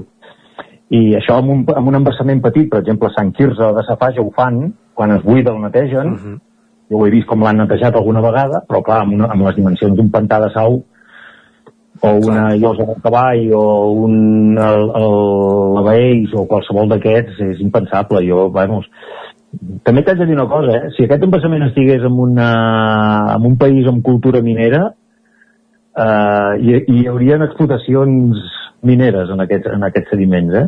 Ha, hi ha, és el que anava demanant, amb aquests sediments se'n pot aprofitar alguna cosa, hi ha algun, uh, algun profit, uh, ja sigui a nivell agrícola, miner, agrícola, miner, uh, alguna cosa? miner, ja et dic jo que segur, perquè mm, aquests, els rius arrosseguen tota, tota, tota mena de sediments, i inclús metalls pesants, eh, or, i pom, i ferros, i coses d'aquest estil. Vull dir que és, és un material molt llaminer eh, per, per un país que tingués una cultura, una cultura minera. Ja, evidentment aquí no deixaríem fer-ho, eh? perquè està tot molt restringit. Però, per exemple, el Segre és un riu que les graves del Segre tenen or. Sí. Amb la qual cosa, en un lloc que tu poguessis retenir tonelades i tonelades i tonelades de sediments, eh, jo crec que alguna empresa s'ho plantejaria. Mhm. Ja ha de ser, no, no anirem nosaltres, uh, no aprofitem la gent que ens està escoltant, uh, No ho diguis gaire alt, no ho diguis gaire alt. no aprofitem nosaltres a anar amb una pala a, a treure, això ens requeriria uh, una inversió a nivell industrial uh, si, si es volgués uh, extreure les sorres aquestes de, del pantà de Sau. Sí, sí, evidentment, s'hauria de muntar aquí un, un, una, un muntatge industrial, eh? o sigui, a, a l'engròs, que evidentment mm, jo no sóc partidari perquè veient com actuen les empreses mineres, eh, el pantà de sau és molt maco, deixem-lo com està. No, no cal aixafar-lo. Molt bé. Doncs, Jesús, moltes gràcies per fer-nos 5 cèntims de l'explicació geològica o la vessant geològica que tenim aquí, sobretot al, al Moianès de- d'aquesta sequera i aquesta pinzellada que també hem fet per, per Osona. Moltes gràcies. Gràcies a vosaltres, a disposar. El nou FM, la ràdio de casa, al 92.8. Mercat del Ram. Un ramat de mercats. Diverteix-te. Viu la cultura i les tradicions. Cultiva relacions. Impulsa el teu negoci. Gaudeix de la música i la gastronomia. Mercat del Ram de Vic. Del 31 de març al 2 d'abril. Ja saps quin és el teu mercat? Troba'l a vicfires.cat. Bon dia, us truco del servei tècnic oficial de Bailand. Hem detectat que la pressió de la seva caldera està baixant. No me n'havia adonat. Com es pot solucionar? Ho resoldrem en uns minuts. No espereu més. Amb el servei de manteniment ServiPlus Connect de Bailand, preocupeu-vos del que realment importa. Nosaltres ens encarreguem de la vostra caldera. Informeu-vos a connectivitat.bailand.es. El 25 de març arriba l'Ubic Fest, les portes obertes de la UBIC convertides en un festival. Coneixeràs tots els graus i cicles, rebràs orientació universitària i viuràs emocions que et posaran la pell de gallina. Inscriu-t'hi ja a ubic.cat barra JPO presencial. El dissabte 25 de març vine a l'Ubic Fest, unes portes obertes que et posaran la pell de gallina. A Boi Galtés trobaràs tot el que necessites relacionat amb l'equitació, t'assessorem i t'equipem amb tot el que et faci falta. Som especialistes. No ho dubtis i vine a Boi Galtés. Ens trobaràs al carrer Jaume I de Vic, número 5, al 93 886 1420, a la nostra web www.boigaltés.es i també som a Instagram, boigaltés.equitació. Cefusol, centre de formació de soldadura GURB. Som especialistes en processos de soldadura. Disposem d'instal·lacions totalment equipades per a classes de teòrica i pràctica amb cabines individuals i equipaments de seguretat. Assessorem empreses i oferim cursos subvencionats i bonificats. Vine i t'informarem. Cefusol, som al carrer Sant Roc, número 9 de GURB. Telèfon 664 206 192. També ens trobaràs a cefusol.com i a YouTube. Ser a prop vol dir veure les coses més bé. Apropa't al que t'interessa amb la xarxa Més. La teva plataforma audiovisual de qualitat, proximitat i gratuïta. Gaudeix dels continguts de més de 30 televisions locals i podcast quan, com i on tu vulguis. Entra a la xarxa més.cat i descarrega't l'app. Cocodril Club. Si t'agrada la bona música dels anys 60, 70 i 80, escolta el 9 FM els matins de dissabtes i diumenges d'11 a 1. És el temps del Cocodril Club, tot un clàssic de la ràdio, amb les bases del pop-rock, les llegendes, les cançons que s'han convertit en autèntics himnes. Recorda, dissabtes i diumenges al matí, d'11 a 1, al 9 FM 92.8. Cocodril Club, el programa revival de l'Albert Malla. Hasta luego, cocodrilo. El nou FM, el nou FM, el nou FM. En punt, dos quarts d'onze al territori 17.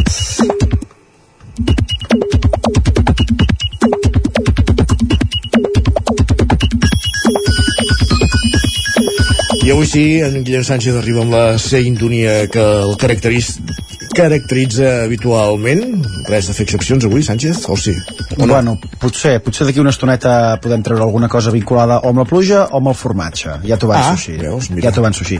Però de fet s'ha de dir que el responsable de les sintonies no sóc jo, per Ah, tant... no? Oh, val, entonces- Almenys això és el que em van dir el primer dia. D'acord. Va, no és maco ja començar el dia així com ens diu aquest professor a través de xarxes. Diu, mira, entro a classe i faig la clàssica pregunta, com esteu? Salta un alumne i em diu, millor que mai, som primavera, torna el solet i aviat ja podrem prendre el sol a la platja. Tothom té les seves prioritats, però m'agrada que la gent sigui més feliç. Clara dependència als rajos del sol. I a partir de dissabte encara més, eh? Aquest canvi d'hora ja m'està posant Promet, eh? Estàs- nerviós per, Sí, per, per que positiu. És una per cosa que et té... Té, et té, et té. En vilo, no es diu? En vilo. Exacte, en català correcte es diu en vilo. En vilo, sí, Va, sobretot. uns rajos que no sé si ajuden a solucionar la situació de sequera que estem vivint actualment. Llegim en Riqui que ens comentava veure el pantà de Sau fa encongir el cor, està només al 9% de la capacitat. Diu, anar a veure el drama ha estat l'excusa per fer una ruta motera. Però no s'hi pot anar. Això és el que s'havia dit, no? No sé si vol dir que està incomplint alguna cosa. No, de fet, el que et dit és que no et deixin aparcar. Ah, anar-hi pots anar, però no pots aparcar. Ai, tant de bo que aquesta cançó de meu penya es complís, que diu que plou i de fora ho fas vent. Correcte, correcte. Què més? Va, en Jordi ens fa un comentari d'aquells que no sé com interpretar, a veure si m'ajudes. Diu, gent fent-se fotos als camps de presseguers florits, gent fent-se fotos a Auschwitz, gent fent-se fotos al pantà de Sau, a Nova York o a Rupit, gent fent-se fotos. La gràcia seria no haver-se de fer fotos... No, no sé què vols que interpreti, bàsicament és una constatació no? de, de, del fenomen Instagram. I millor que no ens n'haguéssim de fer en llocs com aquests que, bueno, cada, cadascú té la, seva, té la seva història. Va, en Joan s'ha posat una mica poètic avui, ens, ens diu enyorar la pluja com senyora un amor perdut. Oh. Home, moltes ganes tenim ja que plogui tots sí. i que ho faci uns quants dies seguits, que em sembla que és la, la clau, no Oh, tant que ho faci un diuen dia. que hauria de fer uns quants mesos seguits, però vaja. Doncs mira, jo em va bé des d'abril fins a juny. Sí? Sí. A partir de juny ja no vols que A partir de juny ja, ja pot ser una mica menys. Va, només ens queda doncs esperar que plogui. Entrem ara per això en una altra qüestió, en el món de la gastronomia, que és un d'aquells que ens agrada, que ens agrada molt. I ho fem amb una piulada d'aquelles que treuen un somriure de la cara de la nostra reconeguda Maria Nicolau. Ens diu, per un treball de classe a l'escola han preguntat als nens pel seu formatge preferit. Entre les respostes com el ratllat o el dels macarrons, la filla respon que l'Stilton o el petitet d'Espinelves quan és madur. Uh, té, cri- té criteri la mossa, eh? Té criteri. La mossa, i m'agrada i molt també el de ratllat i el dels macarrons. Això Sí. també té molt, té molt de mèrit. No, no, s'ha de dir que, que els formatges d'espinalves, per exemple, bé, bé, bé. Correctes, no? Molt, Va, i molt és que usuaris Més que correctes. I és que usuaris també ens diuen per xarxes tot s'arregla amb una mica de formatge, fins i tot un cor trencat. Oh. Tinc dubtes, eh, també? Sí. Tu, Isaac, ets de formatge o no ets de tant, formatge? i tant, sí. Jo potser no massa, però no sé, depèn una mica del que porti acompanyat o del que el puguis acompanyar. No, no, és que el formatge sol, ja està. que no cal. En aquest sentit, mira, visca el tuit d'en Julián, que ens diu Força de voluntat ha estat aquest matí mentre feia cua per esmorzar, veure com els dos del davant s'han demanat un bé con formatge i jo aguantar estoicament amb les meves galetes d'avena. Clar, el, el formatge que acompanya el bacon no, no que me'l menjaria sol, també t'ho diré. Però... és obvi. Però un premi, no? Un premi es mereix en Julián, diria jo. I tant, sí, sí. Va, i l'Ares ens comenta el següent, diu, si trobeu les meves ganes de cuinar, me les torneu, please. Diu, estic dinant formatge i fuet. Veus? Molt fàcil. No, i, molt tant, fàcil. I tan fàcil. I, Va. I tan saludable, també. I, ta, i, I tant que sí. Va, i vinga, segur que això que ens diu l'Andreu en algun moment us ha passat. Ens escriu, fa dos anys i mig que pago el Wikiloc Premium perquè un dia vaig fer l'excursió Cadaqués però lligat Cadaqués pel camí de Ronda, un camí que no té pèrdua. Cada setmana m'envien noves excursions i acaben el mail dient bones rutes, m'hi he acostumat i em fan molta companyia. Veus que bé? Veus que bé, doncs Anar mira. pagant comptes Premium. I si sobre descobreixen coses per anar a caminar, coses que no faràs absolutament mai, també, També encara, és interessant. encara millor. Però que no pagues el gimnàs. Doncs mira, aquest, el Wikiloc Premium són més barats. Va, i parlant de coses que fan companyia, llegim també la Marta que ens diu hem arribat a un punt on hi ha més podcast que persones per consumir-los. Això Sisplau. també és cert. Una mica de seny. Sí, sí, sí això és de molt, molt cert. Ai, va, i per acabar un tuit d'aquells positius del dia d'avui, un altre usuari que es diu Marta que ens diu doncs mira, ja m'han donat la bona notícia del dia. El meu veí s'ha trobat una rata dins del vàter i els Ah. dos som els de la planta baixa. Diu solucions i consells. Poques, poques, Poques. coses no es poden dir. Sí, jo... També sí, que posi un Siri, jo potser recomanaria trucar a l'Ajuntament o a alguna empresa que es dediqui a, a la control de... Sí, correcte, correcte. Demà explicarem a veure si hi ha alguna cosa Més control alguna... de plagues, que sempre queda més fi, eh? Correcte, correcte. Demà explicarem si hi ha alguna novetat, va. Gràcies, Guillem. Que vagi bé. Adéu-siau. Territori 17, el 9 FM, la veu de Sant Joan, Ona Codinenca, Ràdio Cardedeu, Territori 17.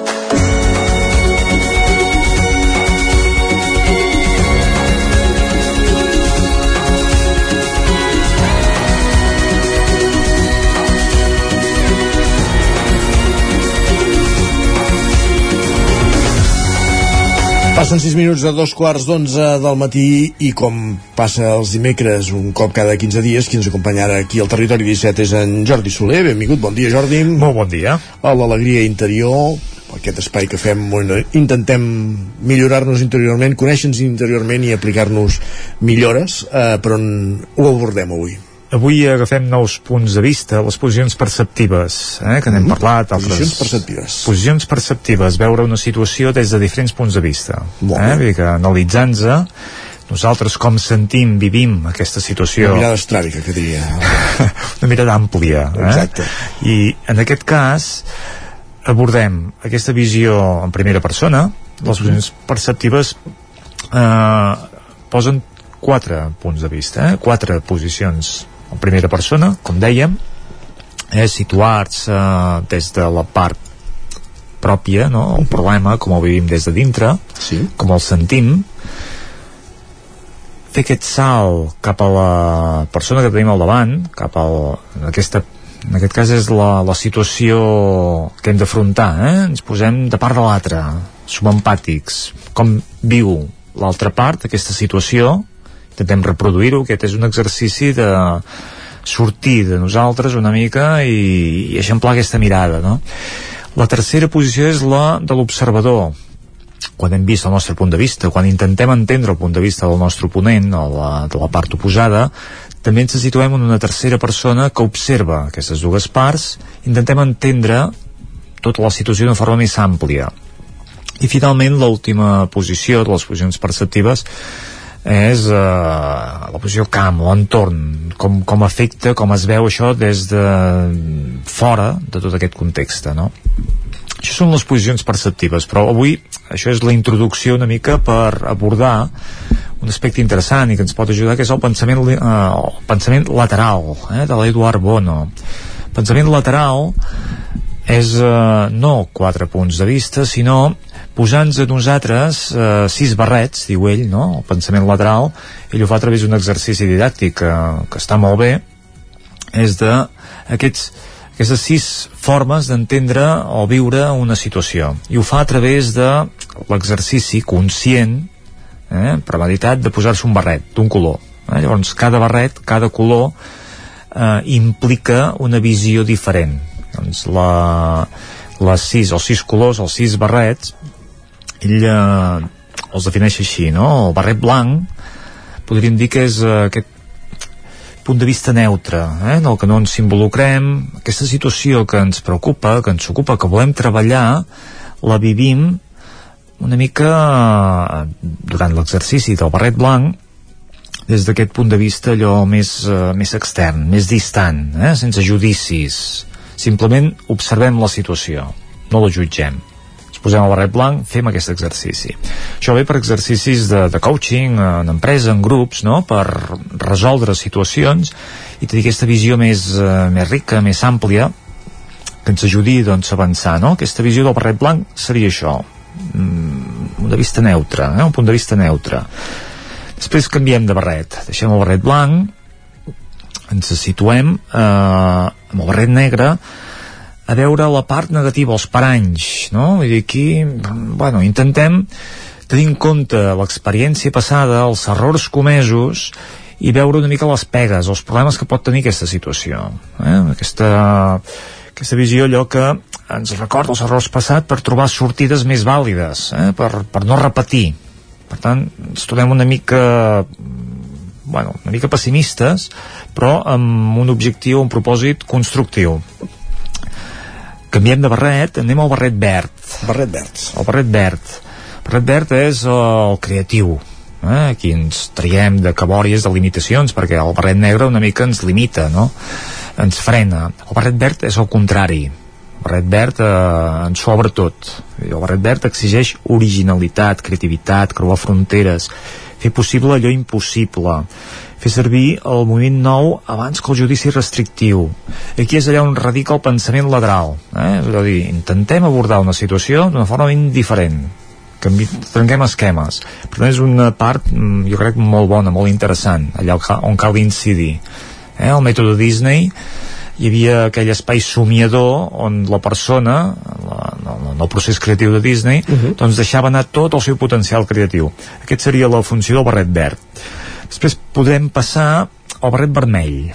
Eh? Aquí eh, és la part més passional, més sí. emotiva, eh? Vull dir, com vivim aquella situació des d'aquesta perspectiva. Fixa't que canviem totalment de personalitat. Eh? Això és un, treball que no podem fer així amb un clic, sinó que cal també una transició, allò ficar-nos en el paper, eh? sentir-ho. En aquest cas és aquesta part que dèiem allò més passional, més sentida des del cor, des de l'univers emocional, no? Vull dir, aquí ja baixa l'energia, anem més cap a dintre és eh, l'oportunitat de dir en veu alta allò que ens apassiona, eh? expressar-nos, vull dir, aquesta situació com la vivim, com la sentim, no? Vull dir, pot ser una bona manera de descobrir-nos, de descobrir doncs, aspectes nous, no? Sempre ho fem tot des de la part mental i intentem analitzar-ho i estudiar-ho, però bueno, això ja se'n cuida doncs, aquest barret blanc o aquest barret negre. Uh -huh. El barret verd ja ens obria una mica, no? Un món de possibilitats més ampli, i el barret vermell ens porta cap a dintre per viure-ho des de dintre, eh? És una nova perspectiva.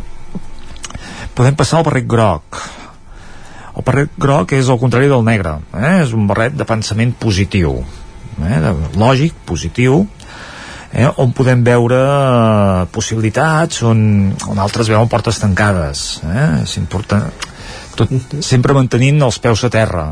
Dic, hem de ser positius, hem de veure què ens aporta de bo, hem de saber veure aspectes positius que potser en un primer moment mm, no hi eren i que si gratem una mica doncs eh, poden aflorar, poden sortir eh, intentar veure tot el que ens pot reportar més enllà a vegades d'un bueno, d'un guany econòmic, no? Vull dir que podem guanyar molts aspectes amb un projecte, amb un, amb sí. un treball que fem, no?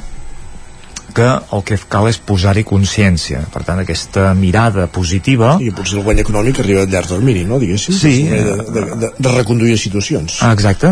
Mm, seria, seria no centrar-se únicament amb, el, amb la, la, la part material, uh -huh sinó dir, bueno, ja, què, què, què és el guany global eh? que en podem treure d'això finalment hi ha el barret blau el barret blau és el que ho abasta tot sempre és present i domina cada racó.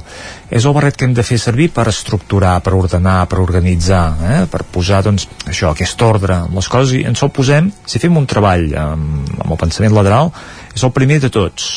El barret blau ens ajuda a definir unes normes, eh? posar una mica cada element en el seu lloc i el posem al principi per organitzar, per començar a dirigir l'exercici i el posem al final eh, per, per concluir, per mm, reflexionar, per treure'n una mica eh, el suc de tot el treball que s'ha fet. Per tant, és un moment en què nosaltres, doncs, amb aquesta riquesa que hem recollit de tot el treball, podem treure aquestes conclusions jo crec que aquest pensament lateral ens convé en el nostre dia a dia, eh? saber sortir de la nostra situació de confort, que a vegades veiem una situació que ens sentim víctimes i ens quedem en aquest victimisme i no resolem la situació, no? És bo sortir, veure des de fora, i si a més a més tenim constància de que tenim moltes maneres de veure-ho, els sis barrets eh, que ens ofereix l'Eduard Bona, ens diu hi ha moltes maneres d'abordar una situació, de veure-la, d'entendre-la, de, de viure-la, doncs aprofitem-les, no? Agafem aquesta experiència. Doncs avui hem parlat de posicions perceptives d'aquests sis barrets de l'Arbono, eh, aquests sis barrets de, de colors. amb en Jordi Soler Jordi, moltíssimes gràcies i anem aprenent i prenent consciència. Endavant. Vinga. Avancem al territori 17, deixem enrere les posicions perceptives, com dèiem, i el que fem tot seguit és parlar de literatura, de anem al Lletra Ferits, parlem de lletres. Tot seguit, eh, des de la veu de Sant Joan, en companyia de l'Isaac Muntades.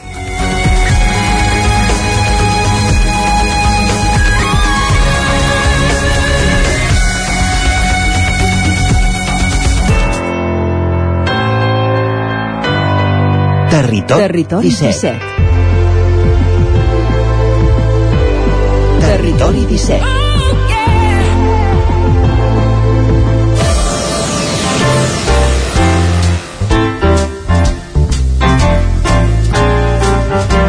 Doncs com dèiem avui a Lletra Ferits el fem en, des de la veu de Sant Joan on ja hi tenim a punt l'Isaac Muntades benvingut, bon dia Isaac, amb què ens sorprendràs avui? Doncs uh, mireu, avui us sorprendré uh, parlant d'un llibre que, que parla d'una revista, bàsicament, o que uh, en el seu interior hi ha contingut d'una revista. Uh, per posar-vos en situació, després de, de, de 27 anys i 275 números, la mítica revista La Tira de Ripoll va deixar de publicar-se, però el seu record perdurarà molt de temps en, el, en les ments dels ripollesos. Eh, hem de dir que el passat 27 de febrer, coincidint amb el tancament de la tira, es va presentar doncs, en un acte al Museu Etnogràfic de Ripoll el llibre La tira de records, que és una publicació en què la seva autora Isabel Lasalle recull els articles que ha escrit durant tots aquests anys a la revista i per parlar sobre aquest llibre de 163 pàgines amb un munt de fotografies antigues i que repassen la història de Ripoll i la nostra comarca tenim a, a l'autora de la revista avui a l'estudi de la veu de Sant Joan, la Isabel Lasalle, i també eh, el seu últim director, en Marc Velasco, que el tenim eh, connectat. Bon dia a tots dos i moltes gràcies per ser avui amb nosaltres. Hola, bon dia. Bon dia hem de dir eh, que, la, eh, que la Isabel la tenim a l'estudi com, com us dèiem, però en Marc el, el tenim a Mallorca, que és el lloc on viu des de fa uns anys, tot i que és una persona que va néixer a Ripoll i sempre hi ha estat molt vinculat durant tots aquests anys, però va haver de marxar en el seu moment pels estudis. Comencem per tu, Marc. M'agradaria que m'expliquessis una mica per què vareu prendre la decisió de finalitzar l'edició de la tira. Quins en són els principals motius? Doncs mira, res, uh, simplement és com tota la vida, no? Suposo que hi ha un moment que les coses tenen un inici i hi ha un moment que, que s'acaben. I clar, després de 27 anys doncs cadascú acaba fent els seus camins. Uh, jo també tenia una altra feina i bé, les coses avancen, canvien i, i a vegades s'acaben. I aquesta va ser el final, simplement això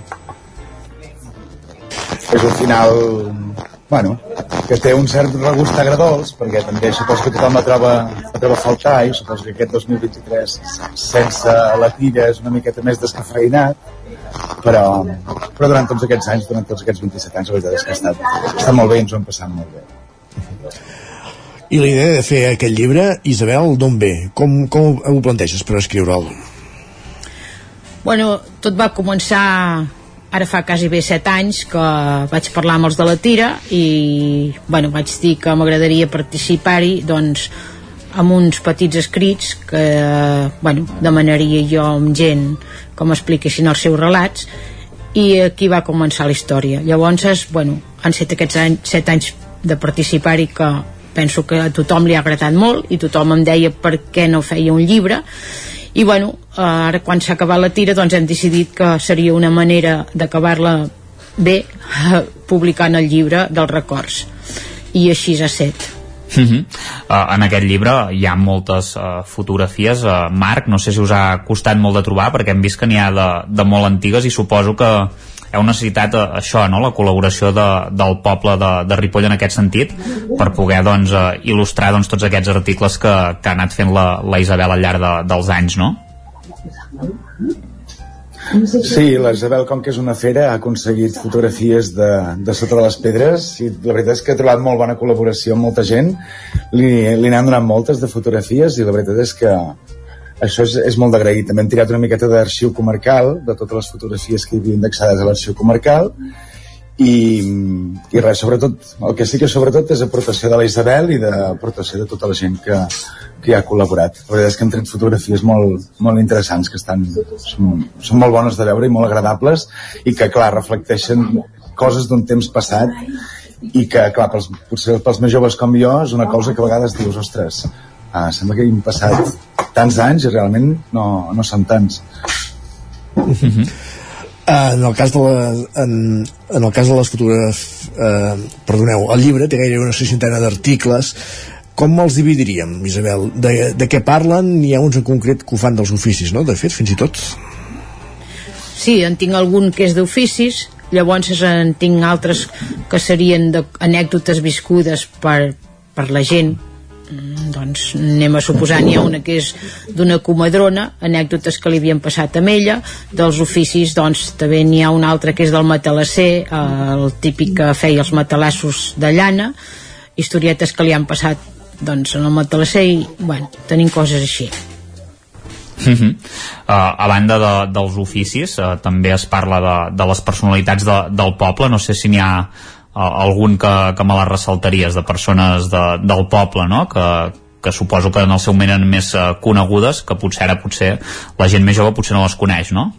Sí, ja, o sigui, hem fet de tot, per exemple, hi ha una història que és del cap d'encer de Can de Bano, que és en Celles, que, bueno, penso que, que hauríem de fer ressaltar perquè ha estat molts anys eh, al capdavant de, de la dansa.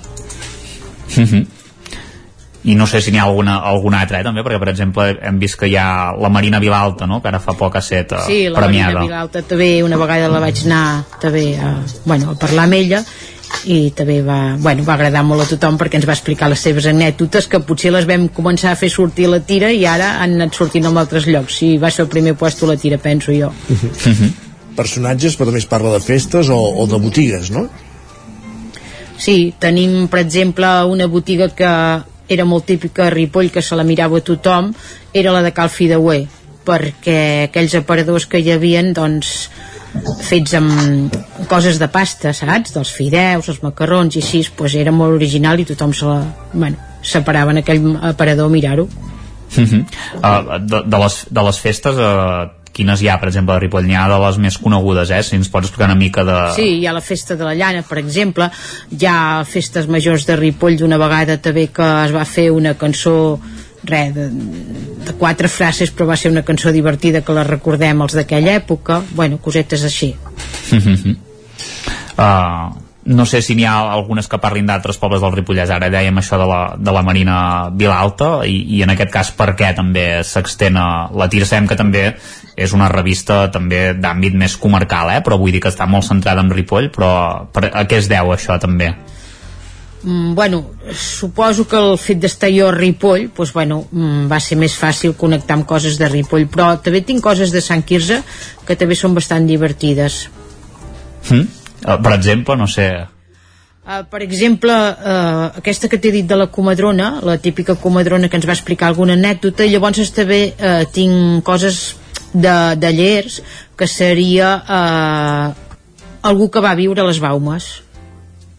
molt, molt o sigui, a les baumes ja sabeu sí. que és una bauma doncs algú que hi havia viscut llavors també hi ha una altra anècdota de Sant Bernabé de les Tenes quan es feia el salt pas que també és molt divertida bueno, cosetes així de Ripoll i l'entorn uh -huh.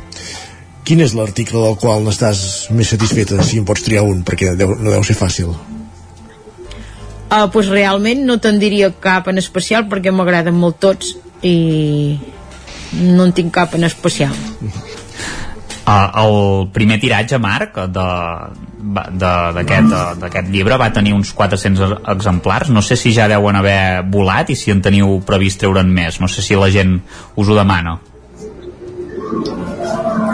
Um, no, de moment hem fet 400 no, no ho hem pensat de treure més o no, de moment sí que han anat marxant. La veritat és que clar, és una cosa que a la gent li agrada molt. Mm, tirar una miqueta del passat i mirar les coses d'abans és una cosa ostres, és una cosa interessant, és una cosa guapa. I a la gent vulguis que no ens agrada a tots. Ens agrada a tots molt.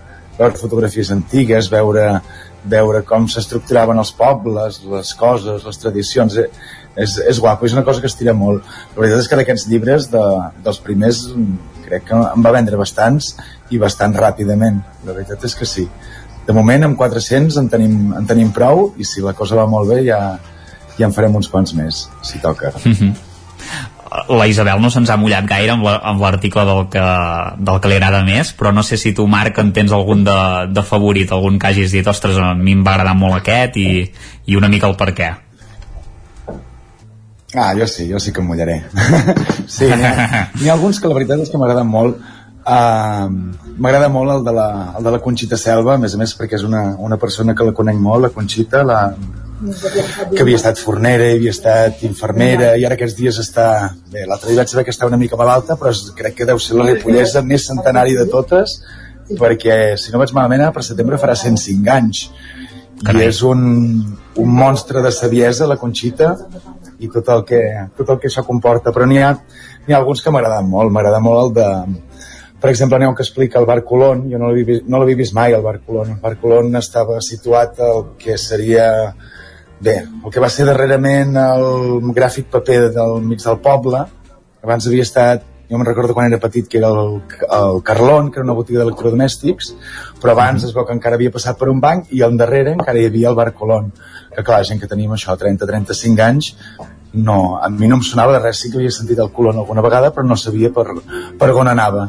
I ara, gràcies al llibre, la veritat és que he pogut saber moltes coses que no m'hauria imaginat. Igual que en Joan de Calanti, que també ens va deixar fa uns anys, amb el seu cotxe.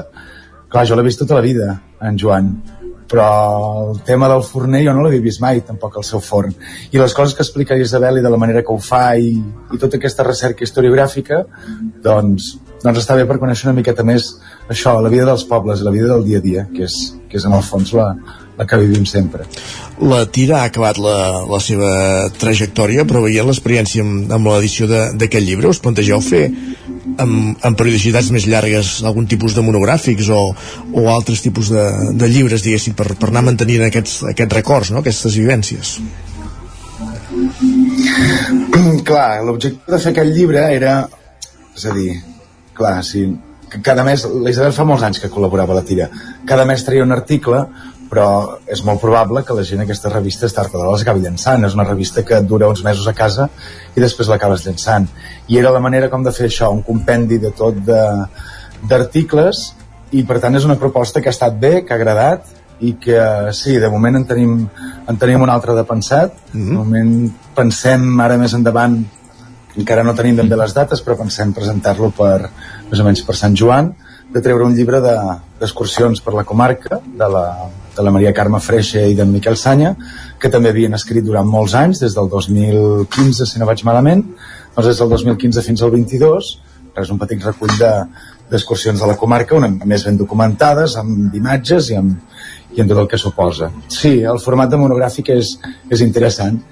I bé, qui sap si un dia tornarà, tornarà a sortir la tira també, això no es pot, no es pot dir mai. Molt bé, de moment no, de moment estem de vacances Marc Velasco i Isabel La Salle, moltes gràcies per acompanyar-nos avui al Territori 17 al Lletra Ferits i parlar d'aquesta iniciativa. Bon dia a tots dos, moltes gràcies. Bon dia, gràcies. Bon dia, igualment. Gràcies, Isaac, per acompanyar-nos un dia més també. Ens retrobem demà. A vosaltres. Fins demà. I acabem aquí el Territori 17 d'avui, un programa que començava fa dues hores.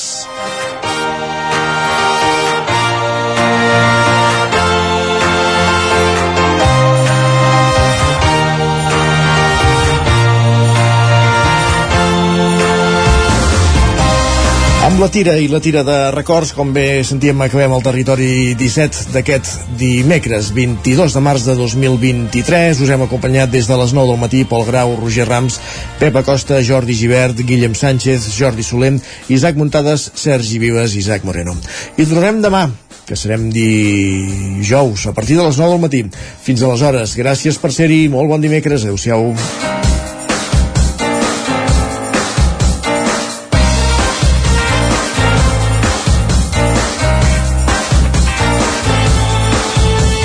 Territori 17, un magazín del nou FM. La veu de Sant Joan, Ona Codinenca i Ràdio Cardedeu amb el suport de la xarxa.